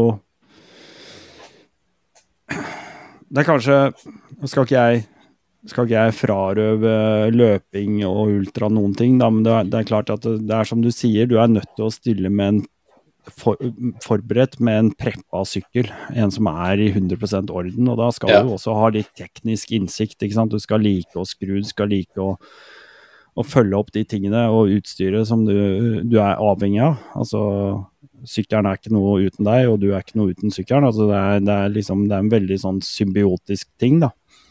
Og det å sette seg på sykkelen, det blir eh, på en måte Da føler man seg komplett. Da er man ett. Uh, og det tror jeg man kan dra sikkert eh, Akkurat som du nevnte han nazien med Formel 1 uh, i stad. Mm. Og, og, det er nok veldig mye, mye sånne ting. Altså Hvis man sitter litt feil, så må man rette på det. Altså Om det er å justere setet eller flytte fothvilerne et hakk fram eller bak eller ned, eller hva det er for noe. Eh, alle sykler er veldig forskjellige, og de er individuelt tilpassa enhver fører. Eh, noe som på en måte skaper Jeg tror man skaper seg eh, et eget miljø, da, når man setter seg bak sin sykkel. Men er, det ikke, er man ikke litt sånn prisgitt at uh, sykkelen faktisk fungerer? Får du en motorstopp ute i ørkenen, så er du fucked. Ja, hvis ikke du kan reparere det sjøl. Ja, men hvor mye ekstra Hvis en, en eller annen kritisk del ryker, så har du ikke med deg et helt arsenal i sekken med deler? Nei, det er du sannsynligvis ikke, men nå er det veldig mange måter det kan bli løst på. Det er veldig forskjellig fra løp til løp. Noen har jo følgebiler eller har biler de har kanskje stæsja på Det er gjerne lastebiler og sånn som kjører samme løpet. Og så har man gjort avtale med f.eks. kan du ha med sånn og sånn. Og noen løp er det ikke lov å bytte sånn og sånn deler. Du har kanskje lov til å bytte motor én gang i løpet av 14 dager, f.eks. Eh, sånne ting. Ikke sant? For det, det er så ekstreme påkjenninger på utstyret. Det er helt sinnssykt ekstreme. Og da kan man få lov til å bytte motor faktisk i løpet av et løp. Mm. Uh, og så er det forskjellige løsninger på hvordan man gjør det. Mange har et helt team. Noen har et fabrikksteam ikke sant, som har mekanikere og alt utstyr og har tilgjengelig reservedeler i all mass. Og så har man uh, det som man kaller Malle Moto, som egentlig er et sololøp. Hvor du bare kommer ned til startstrek med det du trenger og alt utstyret du skal ha med deg. Og det må du sørge for. å få, få, noen til å flytte for deg fra, fra, den ene til den andre bivakken. Og så må du komme i mål, og du må skru og reparere og bytte luftfiltre og oljer og alt mulig sjøl før du får lov til å gå og legge deg. For det, hvis ikke dette er i orden til i morgen, så kan du bare drite i å starte, nesten. Ja. Så, så, her er det, det er veldig, veldig mange variasjoner av det greiene der. da. Vi har jo UTMB og, og mm. VM og sånt, men hva, hva er deres eh, ekvivalente race, da? Altså, hva er det som er liksom the pinnacle? Ja, det pinnacle som absolutt alle vet om, og som har flere millioner følgere hvert eneste år, det er jo Dakar. Ja, ja. Og African Eco Race. Det er på en måte de to uh, største. Og der stiller jo alt mulig fra motorsykler, biler, bugger, firehjulinger, lastebiler ja, uh, alt uh, sånne ting, og forskjellige klasser i tillegg da, ikke sant. Så uh, det er jo det største, og, og, det er klart at der hvor Red Bull er på banen, eller ja. Monster for den saks skyld, det er jo de som blir promotert best, og det er de som på en måte folk følger mest med på. Det er jo der også de største utøverne er med år etter år, da. Det er jævla mye penger involvert, da. Ja, så det, det, det, blir jo litt som uh, uh, dem som går uh, 8000-meterstopper.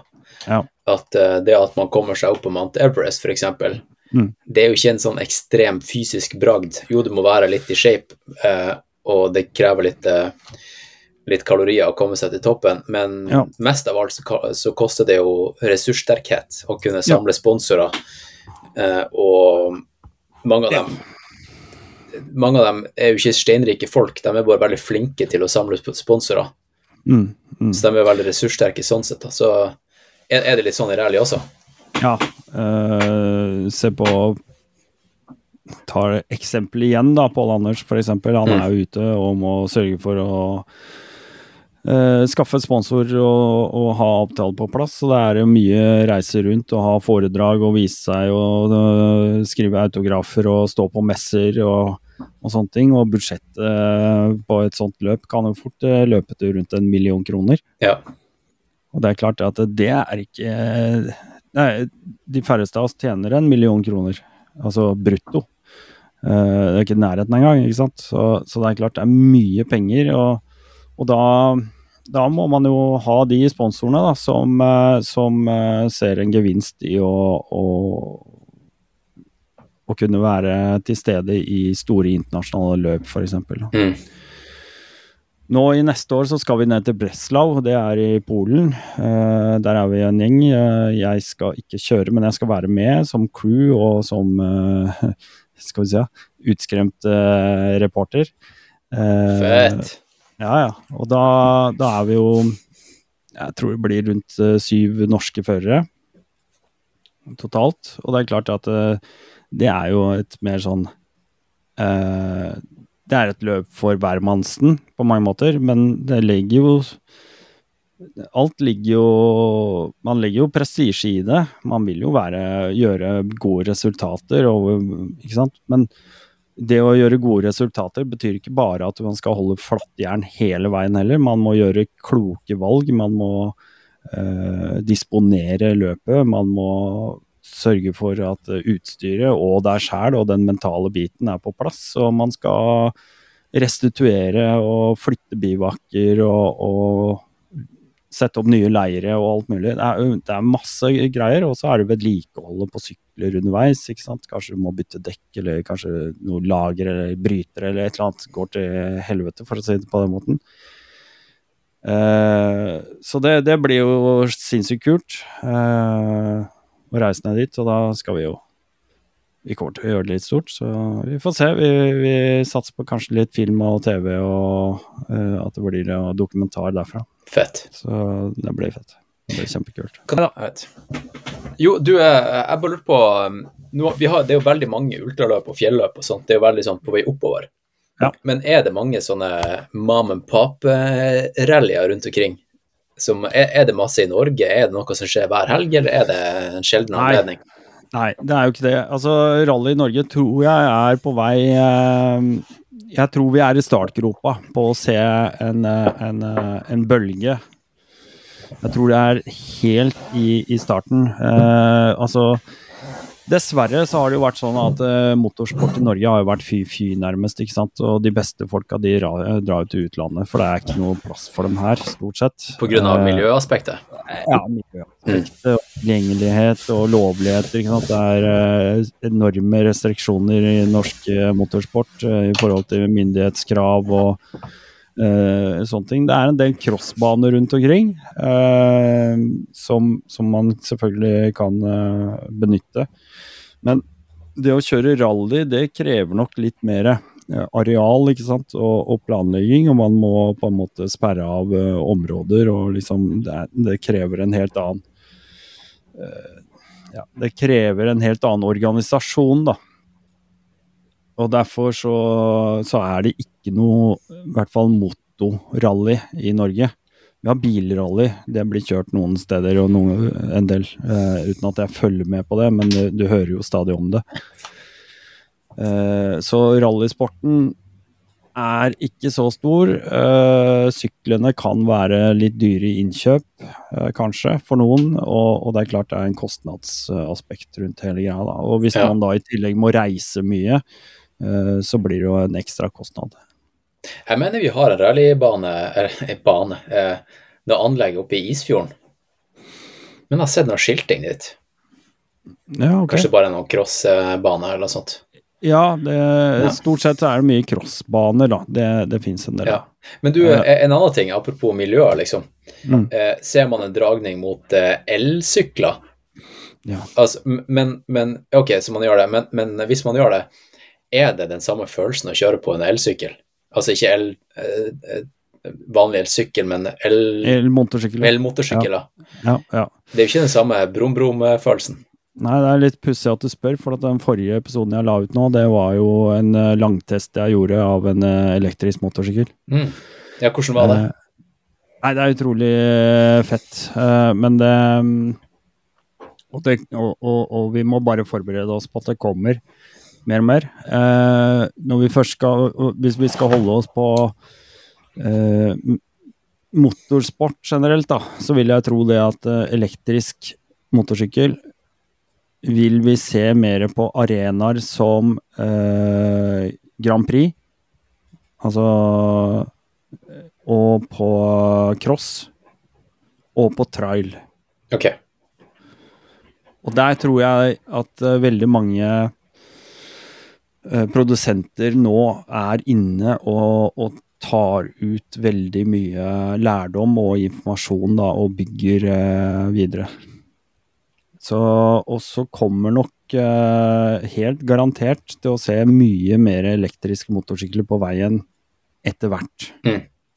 Men i, i, i, sånne, i race-sammenheng så er det jo ikke samme fagdisiplin. Sant? Den, den samme problemløsninga som vi snakka om. At Ja, eh, du må ikke ha med deg en brakonøkkel for å fikse ting. Fordi at det, skjer det noe med, med elmotoren, liksom, så Ja. hva man skal gjøre da? Nei, da er, du, det, det, da er man jo fucked. Man må jo være prisgitt at det bare funker, for at det er elektrisitet og ikke bevegelige deler som har eh, behov for olje, smøring, eh, bensin og riktig luftblanding. Eh, det er veldig mange mer komplekse feil som på en måte kan oppstå i en forbrenningsmotor enn på en elmotor. Mm. Eh, fordi at det, ja, ikke bare at du har en motor, men du har faktisk en girkasse også. Altså det, er, det er ekstremt mye som foregår inni en forbrenningsmotor. Ja. Eh, kontra en, en eh, elmotor, da. Men uh, ja, så det, det Men uh, de beste rundetidene nå, ikke sant, så, uh, de blir jo satt av elektriske motorsykler. Så hvor folk har holdt på i Grand Prix ikke sant, og kniva i 100 år om hvem som har den raskeste motorsykkelen. Så plutselig så kommer det bare en elektrisk motorsykkel og knuser rundetider. Hvordan blir det sett på av hardcore Nei. Ja, ja, ja, det er nok eh, veldig mye delte meninger om det, og jeg, jeg vil jo oppfordre Eller jeg er jo personlig veldig nøytral til det, fordi at jeg sier som sagt det er, det er forskjell på epler og bananer. Ja. Det er, som, Eh, det er som e- etter at karbonskoen kom til løping, at det var en før og etter eh, en, en ny æra, da. Mm, mm. Ja. Nei, det er, det er sånn, men det er den veien det går, ikke sant. Vi Ja. ser bare ut på bilene nå, så er det elektriske biler overalt og, og sånne ting. Og det er mye, mye myndigheter som ligger bak her, og som vil ha en finger med i det spillet der også. Mm. Det er ikke noe særlig elbiler og sånt i Åndalsnes. Nei, nei, det er nok ikke. Forståelig nok. Um, nå blir jo det en veldig sånn derre politisk diskusjon rundt det her nå, da, men, eh, men eh, ja, er det nødvendig å ha elbiler på Åndalsnes, liksom? Jeg tenker det er nødvendig å ha overalt eh, på sikt, men Ja. det, det må være tilrettelagt for lading, da. Mm, mm. Det er jo for så vidt det, da, men, men eh, jeg vet ikke, jeg kan ikke noe. Jeg har bare hatt lappen eh, noen måneder, så jeg, vet ikke. Jeg har ikke blitt politisk eh, engasjert. Jeg har bare en Ford Transit Connect. Nei, jeg så det. Jeg reposta det innlegget du hadde lagt på Instagram, skjønner du. Ja, den der eh, fra, fra det løpet jeg skal arrangere. Ja, Ah, fett. utrolig kult. Ja. Altså, du har jo flytta opp til Smørøyet, da. Mm, virkelig. Har du ikke det? Ja. ja, det er altså, vet du hva. Eh, den turen jeg var på på lørdag, Ja. det var jo en testtur av eh, et løp jeg tenker å arrangere neste år eller eh, 2025. Ja. Ja, Romsdal Ultra Trail, som er 100 km. Mm. Eh, og jeg hadde ikke vært på hele den løypa som jeg hadde tegna opp på kartet. Nei. Eh, så for å kunne på en måte gå ut med en offisiell løype på nettsida, så føler jeg at jeg må, jeg, må, ha- jeg må ha gjort hele driten. da. Mm. Så da var jeg bare testa seksjon Eller jeg løp siste halvdel, Store store deler av siste halvdel, så det ble 50 km. Uh, og jeg tror det er en av de sterkeste naturopplevelsene jeg har hatt. ikke sant? Mm. Og da kjørte jeg bare et kvarter hjemmefra. Ah, sinnssykt. Og ikke, ikke for å liksom dra det her eh, reisekortet at jeg, jeg har sett mye, for jeg har sett mange fete fjell. Jeg har vært mange fete steder. Mm. Men liksom i, eh, Romsdalen er det sjukeste, ass. Og så er det bare rett utafor døra. Ja. Det er, det er så bra. Ja. Så det var, også, det- det var også et, eh, eh, en, en del av, eh, av reisen min, da, som vi snakka om i starten. Mm. var liksom det her med å kunne få sånne her type eventyr oftere. Ja. Og da var jo det å flytte hit egentlig bare som å ta hånda bort fra kokeplata. Rent, rent instinkt.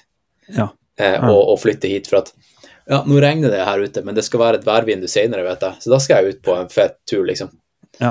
Og, og det kan du ikke gjøre hvis du bor i, i en storby der det bare er skog og, og stier.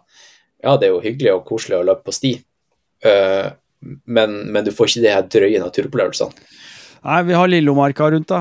Uh, Ja, det, det, er, det er fett, det òg. Det er en annen men det, sjanger. da. det, det er jo ikke det samme uh, uansett. Og bare sånn for å påvirke det nå, nå, Det du sier, er jo egentlig at du går, går inn for å være race director sjøl. uh, Ja. Som du jo har jo snakka med utallige race directorer opp igjennom i din podkast. Ja, Og nå skal du gjøre det sjøl, og jeg tenker jo at eh, eh, er det noen som må få til det, så er det jo deg. Det er jo ingen andre jeg kan tenke meg som uh, har muligheter til å arrangere og gjennomføre et sinnssykt løp.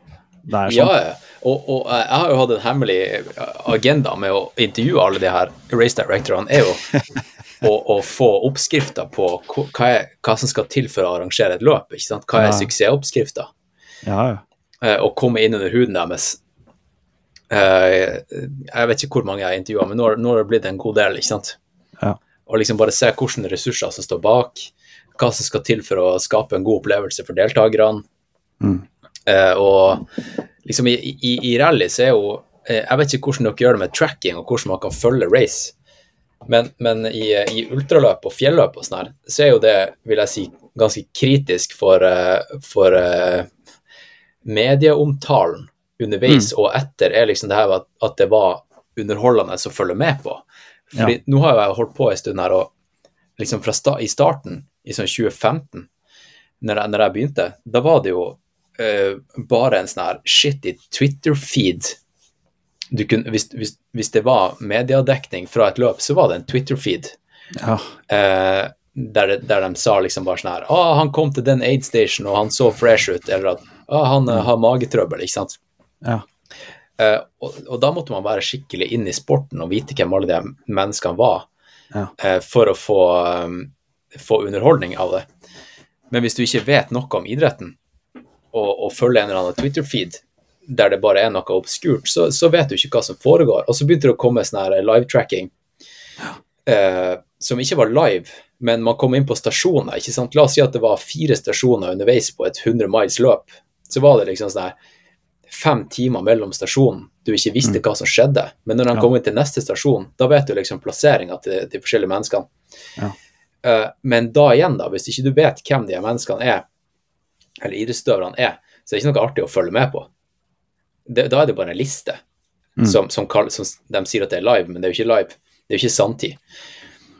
Eh, og så, eh, etter hvert som liksom teknologien har, endret, eh, har blitt bedre, og, og dekninga har blitt bedre, altså jeg tenker telefondekninga, at det har blitt 4G og 5G, eh, og droner har kommet inn, og det har blitt enklere for eh, eh, andre enn NRK liksom, og store mediehus å, å lage sendinger, at man kan faktisk sy sammen noe på egen hånd med, med lite budsjett, så, så har det blitt mye mer underholdende å se på. Eh, men eh, Drive to Survive, eksempel, vil jeg si var en sånn stor endring i, i hvordan man ser på idrett. fordi at plutselig så, så handler det om å fortelle historien til dem som var bak hjelmen. Ikke sant? Mm, mm. Eh, og plutselig da så, så begynner man å heie på ikke favoritten lenger. Det er som å heie på å, å være hardcore fan av, av Leeds hele livet sitt og stå, stå med dem tykt og tynt. ikke sant? Istedenfor at når jeg var liten, så var det Manchester United som, som eh, vant alt. Ja. Eh, men, men det handler jo om å, kjenne personlighetene. Så hvis du kan eh, hvis du kan fortelle historien til dem som er bak hjelmen, da, eller eh, som, som faktisk springer de her løpene, og du kan ha en bra livedekning der du ser hvor de er på kartet, vise video og ha en kommentator som forteller om løypa og eh, kjenner de her folkene eh, nesten personlig, Mm. så får du bare en sånn komplett historiefortelling. Ikke sant? Ja. Da, da bryr du deg om menneskene som springer løpet. Mm. Så det er også planen min til, eh, til racet, da, er liksom at eh, eh, et knippe av dem som skal delta, dem skal bli portrettert i podkasten. Ja. Eh, så man blir kjent med dem, sånn at når de stiller til start, og man, kan følge, og man følger løpet ordentlig, eh, som er samtid med GPS eh, og med video, så, så vet man hvem det er som springer. Mm.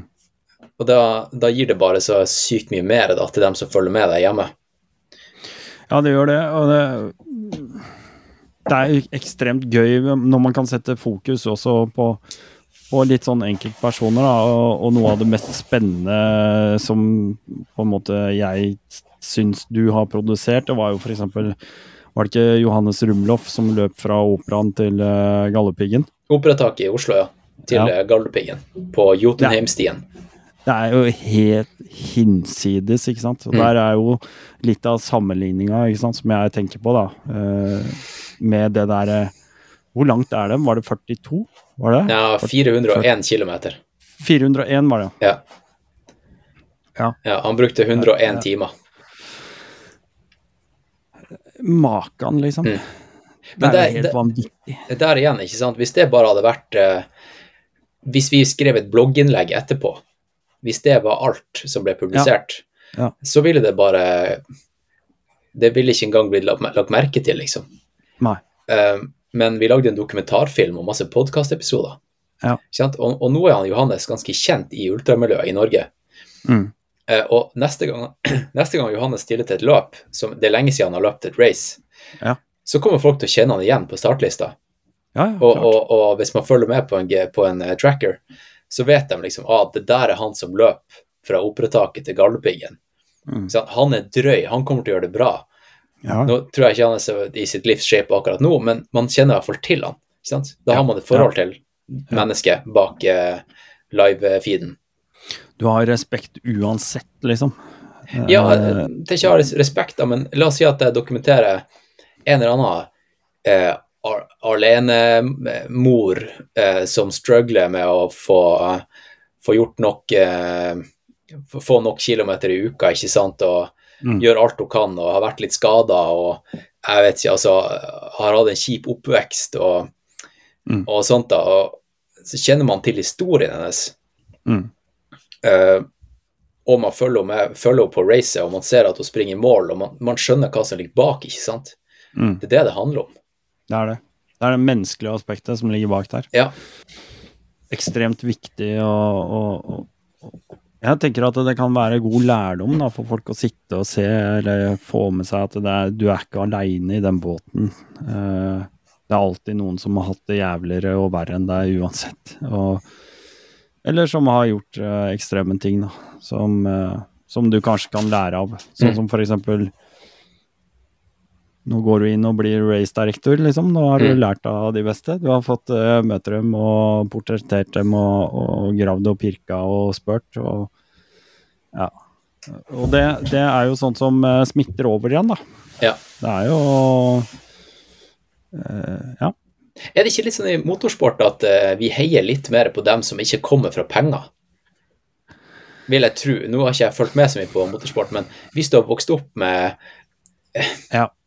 En, en far som, som er steinrik, og du bare har fått eh, den sykkelen du har lyst på, og får nye deler alltid, liksom Jeg, jeg, jeg tror du har rett. Ja. Jeg tror du har rett, og jeg tror at vi kan dra parallellene til storhetstiden til Pål Anders Ullevålseter, eh, hvor han eh, kjempa imot eh, Mark Homa og ja, en eller annen eh, hus, nå, Beklager, husker ikke navn. Ja. Eh, par av de gutta som kjørte for KTM Factory Racing, ikke sant. De hadde jo alle midler, de hadde alt gratis, alt var dekka. Det var bare å komme inn og få massasjen og, og liksom Og så har du Og som bare på en måte har fått alt de, de, de er med å gjøre de gode, da. Altså, de har et helt en hel uh, greie bak seg, mens Pål Anders har jobba ekstremt hardt for å få inn alle sponsoravtaler og for å, og liksom På fritida si, da. Mm. Og som hele tida er der oppe og kniver, og, og, på en måte ligger i ryggen på dem og er uh, på mange i mange race bedre enn dem også, ikke sant? I etapper og enkeltseiere. Så Og da, da da er det for meg i hvert fall så er det veldig tydelig hvem som egentlig er kongen. ass. Det er tydelig for meg hvem er det som er best her. Det er ikke nødvendigvis han som står øverst på podiet, det er, det er de som har tatt en skikkelig struggle i bakkant. Jeg har jo intervjua han Tor Gotas, han forfatteren, ja. en god del ganger. Og han har jo portrettert eh, mange flinke norske idrettsutøvere. Ja. Uh, og han sa en gang til meg at eh, at uh, det som skal til for å bli folkehelt i Norge, det er at du er en alminnelig person som får mm. til noe ualminnelig. Ja, ja. Ikke sant? Så, så, det at du er Du har vokst opp på, på gård, og du jobber som tømmerhogger, og så vinner du VM i, på femmila i, ja. i Kollen. Ja. Da blir du folkehelt. Mens hvis du har alle ressursene, og du får, har liksom fysioterapeut og og du, du, trenger egentlig bare å trene og spise og sove. Hvis du er Altså, la, la oss si han, han Klæbo, ikke sant. Han blir jo mindre og mindre folkehelt jo mer ressurser han får nå. Ja. ja. Vil jeg tørre å påstå. Når han liksom ikke blir med på landslaget og heller går eh, privat. Mm. Det, og det ser du også med, med norske løpere. Altså dem som bare bor nede i Kenya, mm. eh, og, og, som ikke eh, som ikke er i Norge, men bare trener i utlandet, og så kommer de til Norge og, og springer NM, og så vinner de. Mm.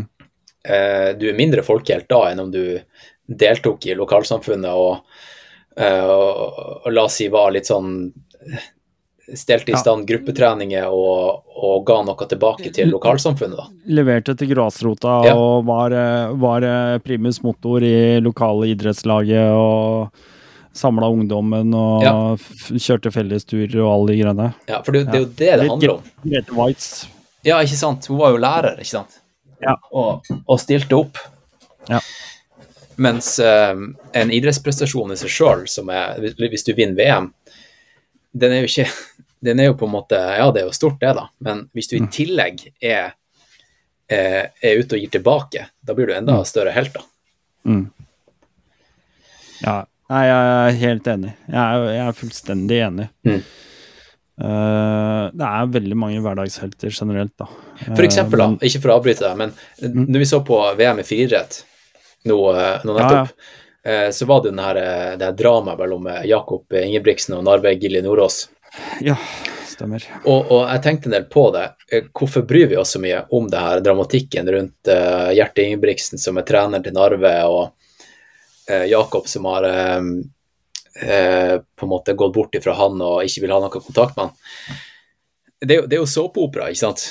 Ja, ja. Eh, og, og, men det hadde ikke vært såpeopera hvis ikke vi hadde kommet på innsida av, eh, av Jakob Ingebrigtsen og Ingebrigtsen-familien sitt liv i denne NRK-serien. Real, holdt på å si reality-serien. Ja, stemmer, stemmer. Mm, hadde ikke de blitt portrettert på den måten der, så hadde ikke vi visst hva som foregikk. Og vi hadde ikke kjent han Gjert og, og Jakob og, og brødrene hans. Så Nei, det, alt her i livet er liksom historiefortelling. Idrett ja, er jo i aller høyeste grad underholdning og historiefortelling. Mm.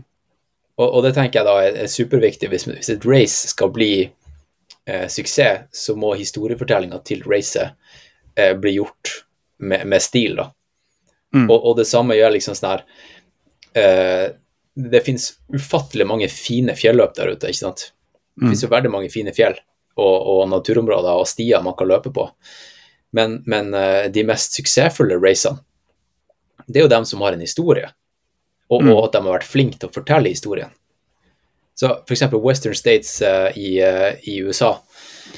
Det, det, det, er jo ikke verdens fineste løp, men, men de, har, de, er sykt flinke til å fortelle historien til racet. Med ja. dokumentarfilmer og, ja. uh, og alt mulig. sant? Så da kan man jo argumentere med at kanskje, kanskje rondene 100, som ble arrangert et par år her i Norge, objektivt sett er et finere løp enn Western States. Men det er jo tusenvis av mennesker som står i kø uh, for å komme med i lotteriet til, til, å få lov til å delta på Western ja. States. Ja, for de har skapt en sånn, eh, mystikk, og de har skapt ja. den der lotterivarianten. Altså Ja. Det er litt sånn som For å ta en helt annen digresjon, da, men som har noe med akkurat det samme menneskelige sinnet og den derre uh, greia å gjøre. I Karl Johan nå i dag så har du sånn, begynt å få en sånn gate med sånne luksusvarer. Uh, Vesker og luksusmerker og alt mulig sånn dritt. Og der er det en, en sånn hjørnesjappe nede i Karl Johan der. Og der står det nå kø på utsida nedover i Karl Johan. For ja. å komme inn i butikken så står det en sånn kar med sånn propp i øret og sånn svart dress og høy hals, og liksom velger hvem som skal få lov til å komme inn og ikke. Fy faen. Altså, skape en sånn mystikk ja. no, rundt noe så Ja. Jeg vil ikke gå inn i dybden på det, men, men, men de folka som står i den køen, ja. de har fått et de har, de har jo sitt bilde av deg, på en måte.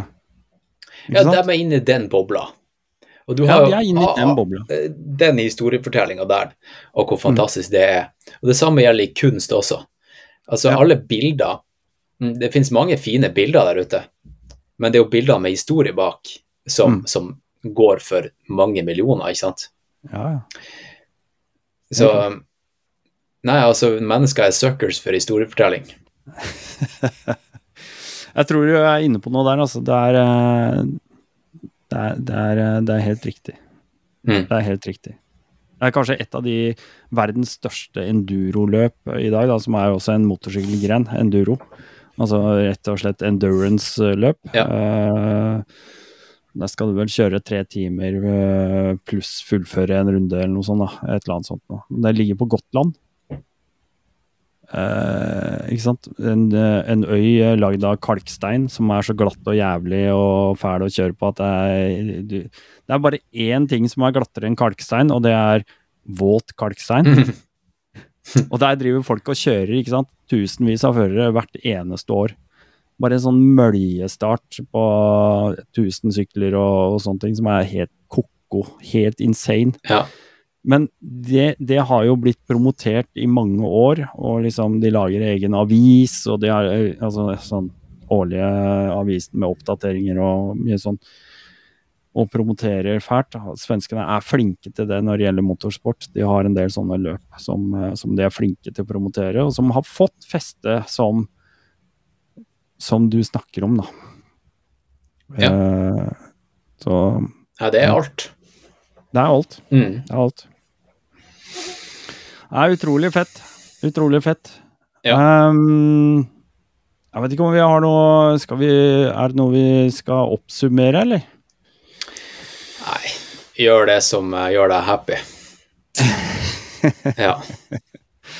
Jeg vil oppsummere med å si at uh, for deg som uh, har lytta til min side av den poden her nå, og, og og til å begynne med ikke skjønte en dritt av hvorfor jeg skulle prate med Hans Christian Smedsrud, så håper jeg dere skjønte det etter hvert. Uh, det å kjøre motorsykkel, eh, det er uh, Det er så mye mer enn bare det å kunne ratte igjennom uh, og gjøre enkle små ting og gi gass i 15 minutter og så ta seg en liten pause og se litt på utsikten. Vi snakker om rally som på en måte krever eh, en helt annen type uh, mentalitet over mye, mye lengre tid enn f.eks. et enduroløp eller et crossheat på 30 minutter eller sånne ting. Uh, jeg tror at for de som har, har dette her, og, mye, mye av rally eh, motorrallyinteressen i dag, den har fått en oppblomstring fordi at uh, vi har noe som heter roadbook, som har begynt å bli veldig populært. Det er jo på en måte en, en papirrull, eller nå også som digitalt, altså som er bare veivisere på hvor langt du skal kjøre og hvilken retning du skal ta i det krysset eller på det punktet, eller nå skal du kjøre forbi en stein etter 30 km, uh, et eller annet sånt. Og det er jo på en måte sånn man navigerer i et rally. Og jeg tror det er den interessen for roadbook som også fører til at interessen for rally begynner å er gryende nå, da. I Norge, i hvert fall. Mm. Så det jeg tenker egentlig å oppsummere med, er at jeg, for de som har sittet og lytta litt, så kan de suge til seg mye her og, og bygge litt på, på, de tingene vi har diskutert.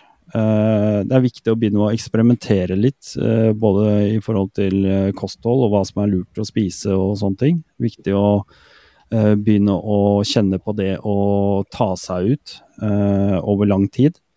Eh, altså bruke krefter og energi og huet eh, over veldig lang tid. Eh, jeg tror også det at eh, det å begynne å løpe i terreng generelt, ute i skog og mark og sånne ting, og ikke Altså, det er fint å, å løpe intervaller på bane, det er ikke det jeg mener. Men uh, du drar veldig mye nytte av uh, det å dra på seg joggeskoa når du ikke har mulighet til å kjøre sykkel. Du får veldig mye gratis av å løpe i skauen Ja. og Ja. fjellet. Du får jo styrketrening og cardio Ja. i, i ett, ikke sant. Ja. Og hvis du da, eksempel, jeg, jeg bruker jo staver når jeg springer langt i fjellet. Mm. Masse overkroppsstyrke der også. Det er eh, bra tips. Mm. Det, Mm. skal vi, det må vi også si fra. Kjøp staver, dere. Kjøp eh, gode joggesko, og ta med gnagsårplaster og kast dere ut i buskene. Og vaselin. Og vaselin. Ja. Det er jævlig bra. Mm. Du, tusen takk for at du gadd å være med, Hans Christian. Takk sjøl. Veldig artig å være med. Sinnssykt, ja, og så sinnssykt kult å se deg igjen. I like måte. Eh, og, og se den eh, reisen du har hatt, og fulgt med deg såpass lenge. Selv om jeg har begynt med min egen podkast eh, etter hvert, så, så tok det mer overhånd, selvfølgelig. Ja, men det er jo jævlig inspirerende, da. At, Ja. at du, er, du er en av oss. Du var Indie, podcasters. Absolutt. Og jeg tror jo faktisk min nisje er ekstremt mye mindre enn din. Det tror jeg også. Men jeg tenker jo, jo mer nisje, jo bedre. Ja, ja, ja. Ja. Kjempekult. Du, lykke til med race directing og sånn, da. Tusen takk. Lykke til med, med podkastproduksjon og, og det å dra og dokumentere race. Det er jo, Ja. det er jo veldig artig. Jeg skal ned til uh, Italia om et par uker og dokumentere Golden Trade Series-finalen, det internasjonale. Ah, Så da, da, da gjør vi noe av det samme, da. veldig kult. Ja. Lykke til. Takk. Da sier vi som vi gjør her i eh, Rally Nord-podkast. Shalabais! og da heter det Nei, her heter det Over og ut, Roger og Knut. Ja, det er akkurat Mm. derfor. Fordi at eh, du har din, og så har jeg min. Ja. Da sier jeg bare over og ut. Roger og Knut. Shalabais.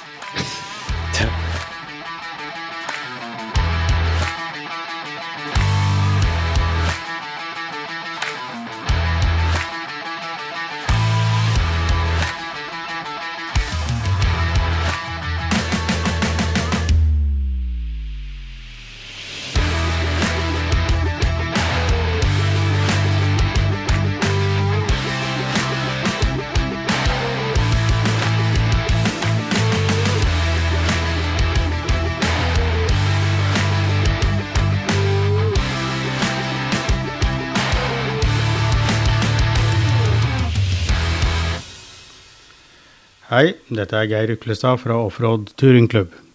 Jeg har samlet noen mekketips som jeg gjerne vil dele med dere. Etter hvert som jeg har blitt opptil flere år eldre enn skolestørrelsen, er det litt vanskelig å se de minste tegnene på f.eks. GPS, mobil etc. På varme sommerdager vil jeg gjerne bruke crosshjelm, og allikevel trykke riktig på navigasjon. Hva kan gjøres? Extra Optical har slalåmbriller med styrke, men jeg bomma på styrken da jeg brukte brilleseddelen for databrillene. Nå ser jeg bare instrumentene og ikke veien.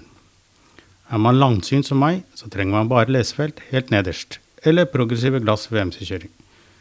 Den kjappe og billige løsningen var å lime på et par lesebriller inni crossbrillene nederst. Det funker fint, og koster ikke så mye hvis du har et par gamle crossbriller og lesebriller tilgjengelig. Jeg tok av stengene og limte med limpistolen. Kanten på brillene var litt irriterende i synsfeltet, så ramløse briller er sikkert å foretrekke. Hvis du vil lese mer om dette, så kan du gå inn på hjemmesiden vår www.otc-mc.org, så ser du mer. Og forresten, ikke glem å gå ned i shownotes og så sjekke ut der nede, fordi jeg har lagt en link til eh, en av videoproduksjonene som Hans Christian har vært med å lage. Det er eh, om en, eh, handler om en kar som heter Johannes Rumloff, som ble nevnt her. Det er altså dokumentaren eh, fra operataket til Galdhøpiggen, hvor han løper altså 410 km på fire dager eh, på Jotunheimstien. Og da er det ikke fra Galdhøpiggen og ned, det er opp til Galdhøpiggen. Så den er helt rå, og beskriver egentlig mye mer akkurat det jeg eh, vil fram til med denne episoden, at det finnes en del eh, likhetstrekk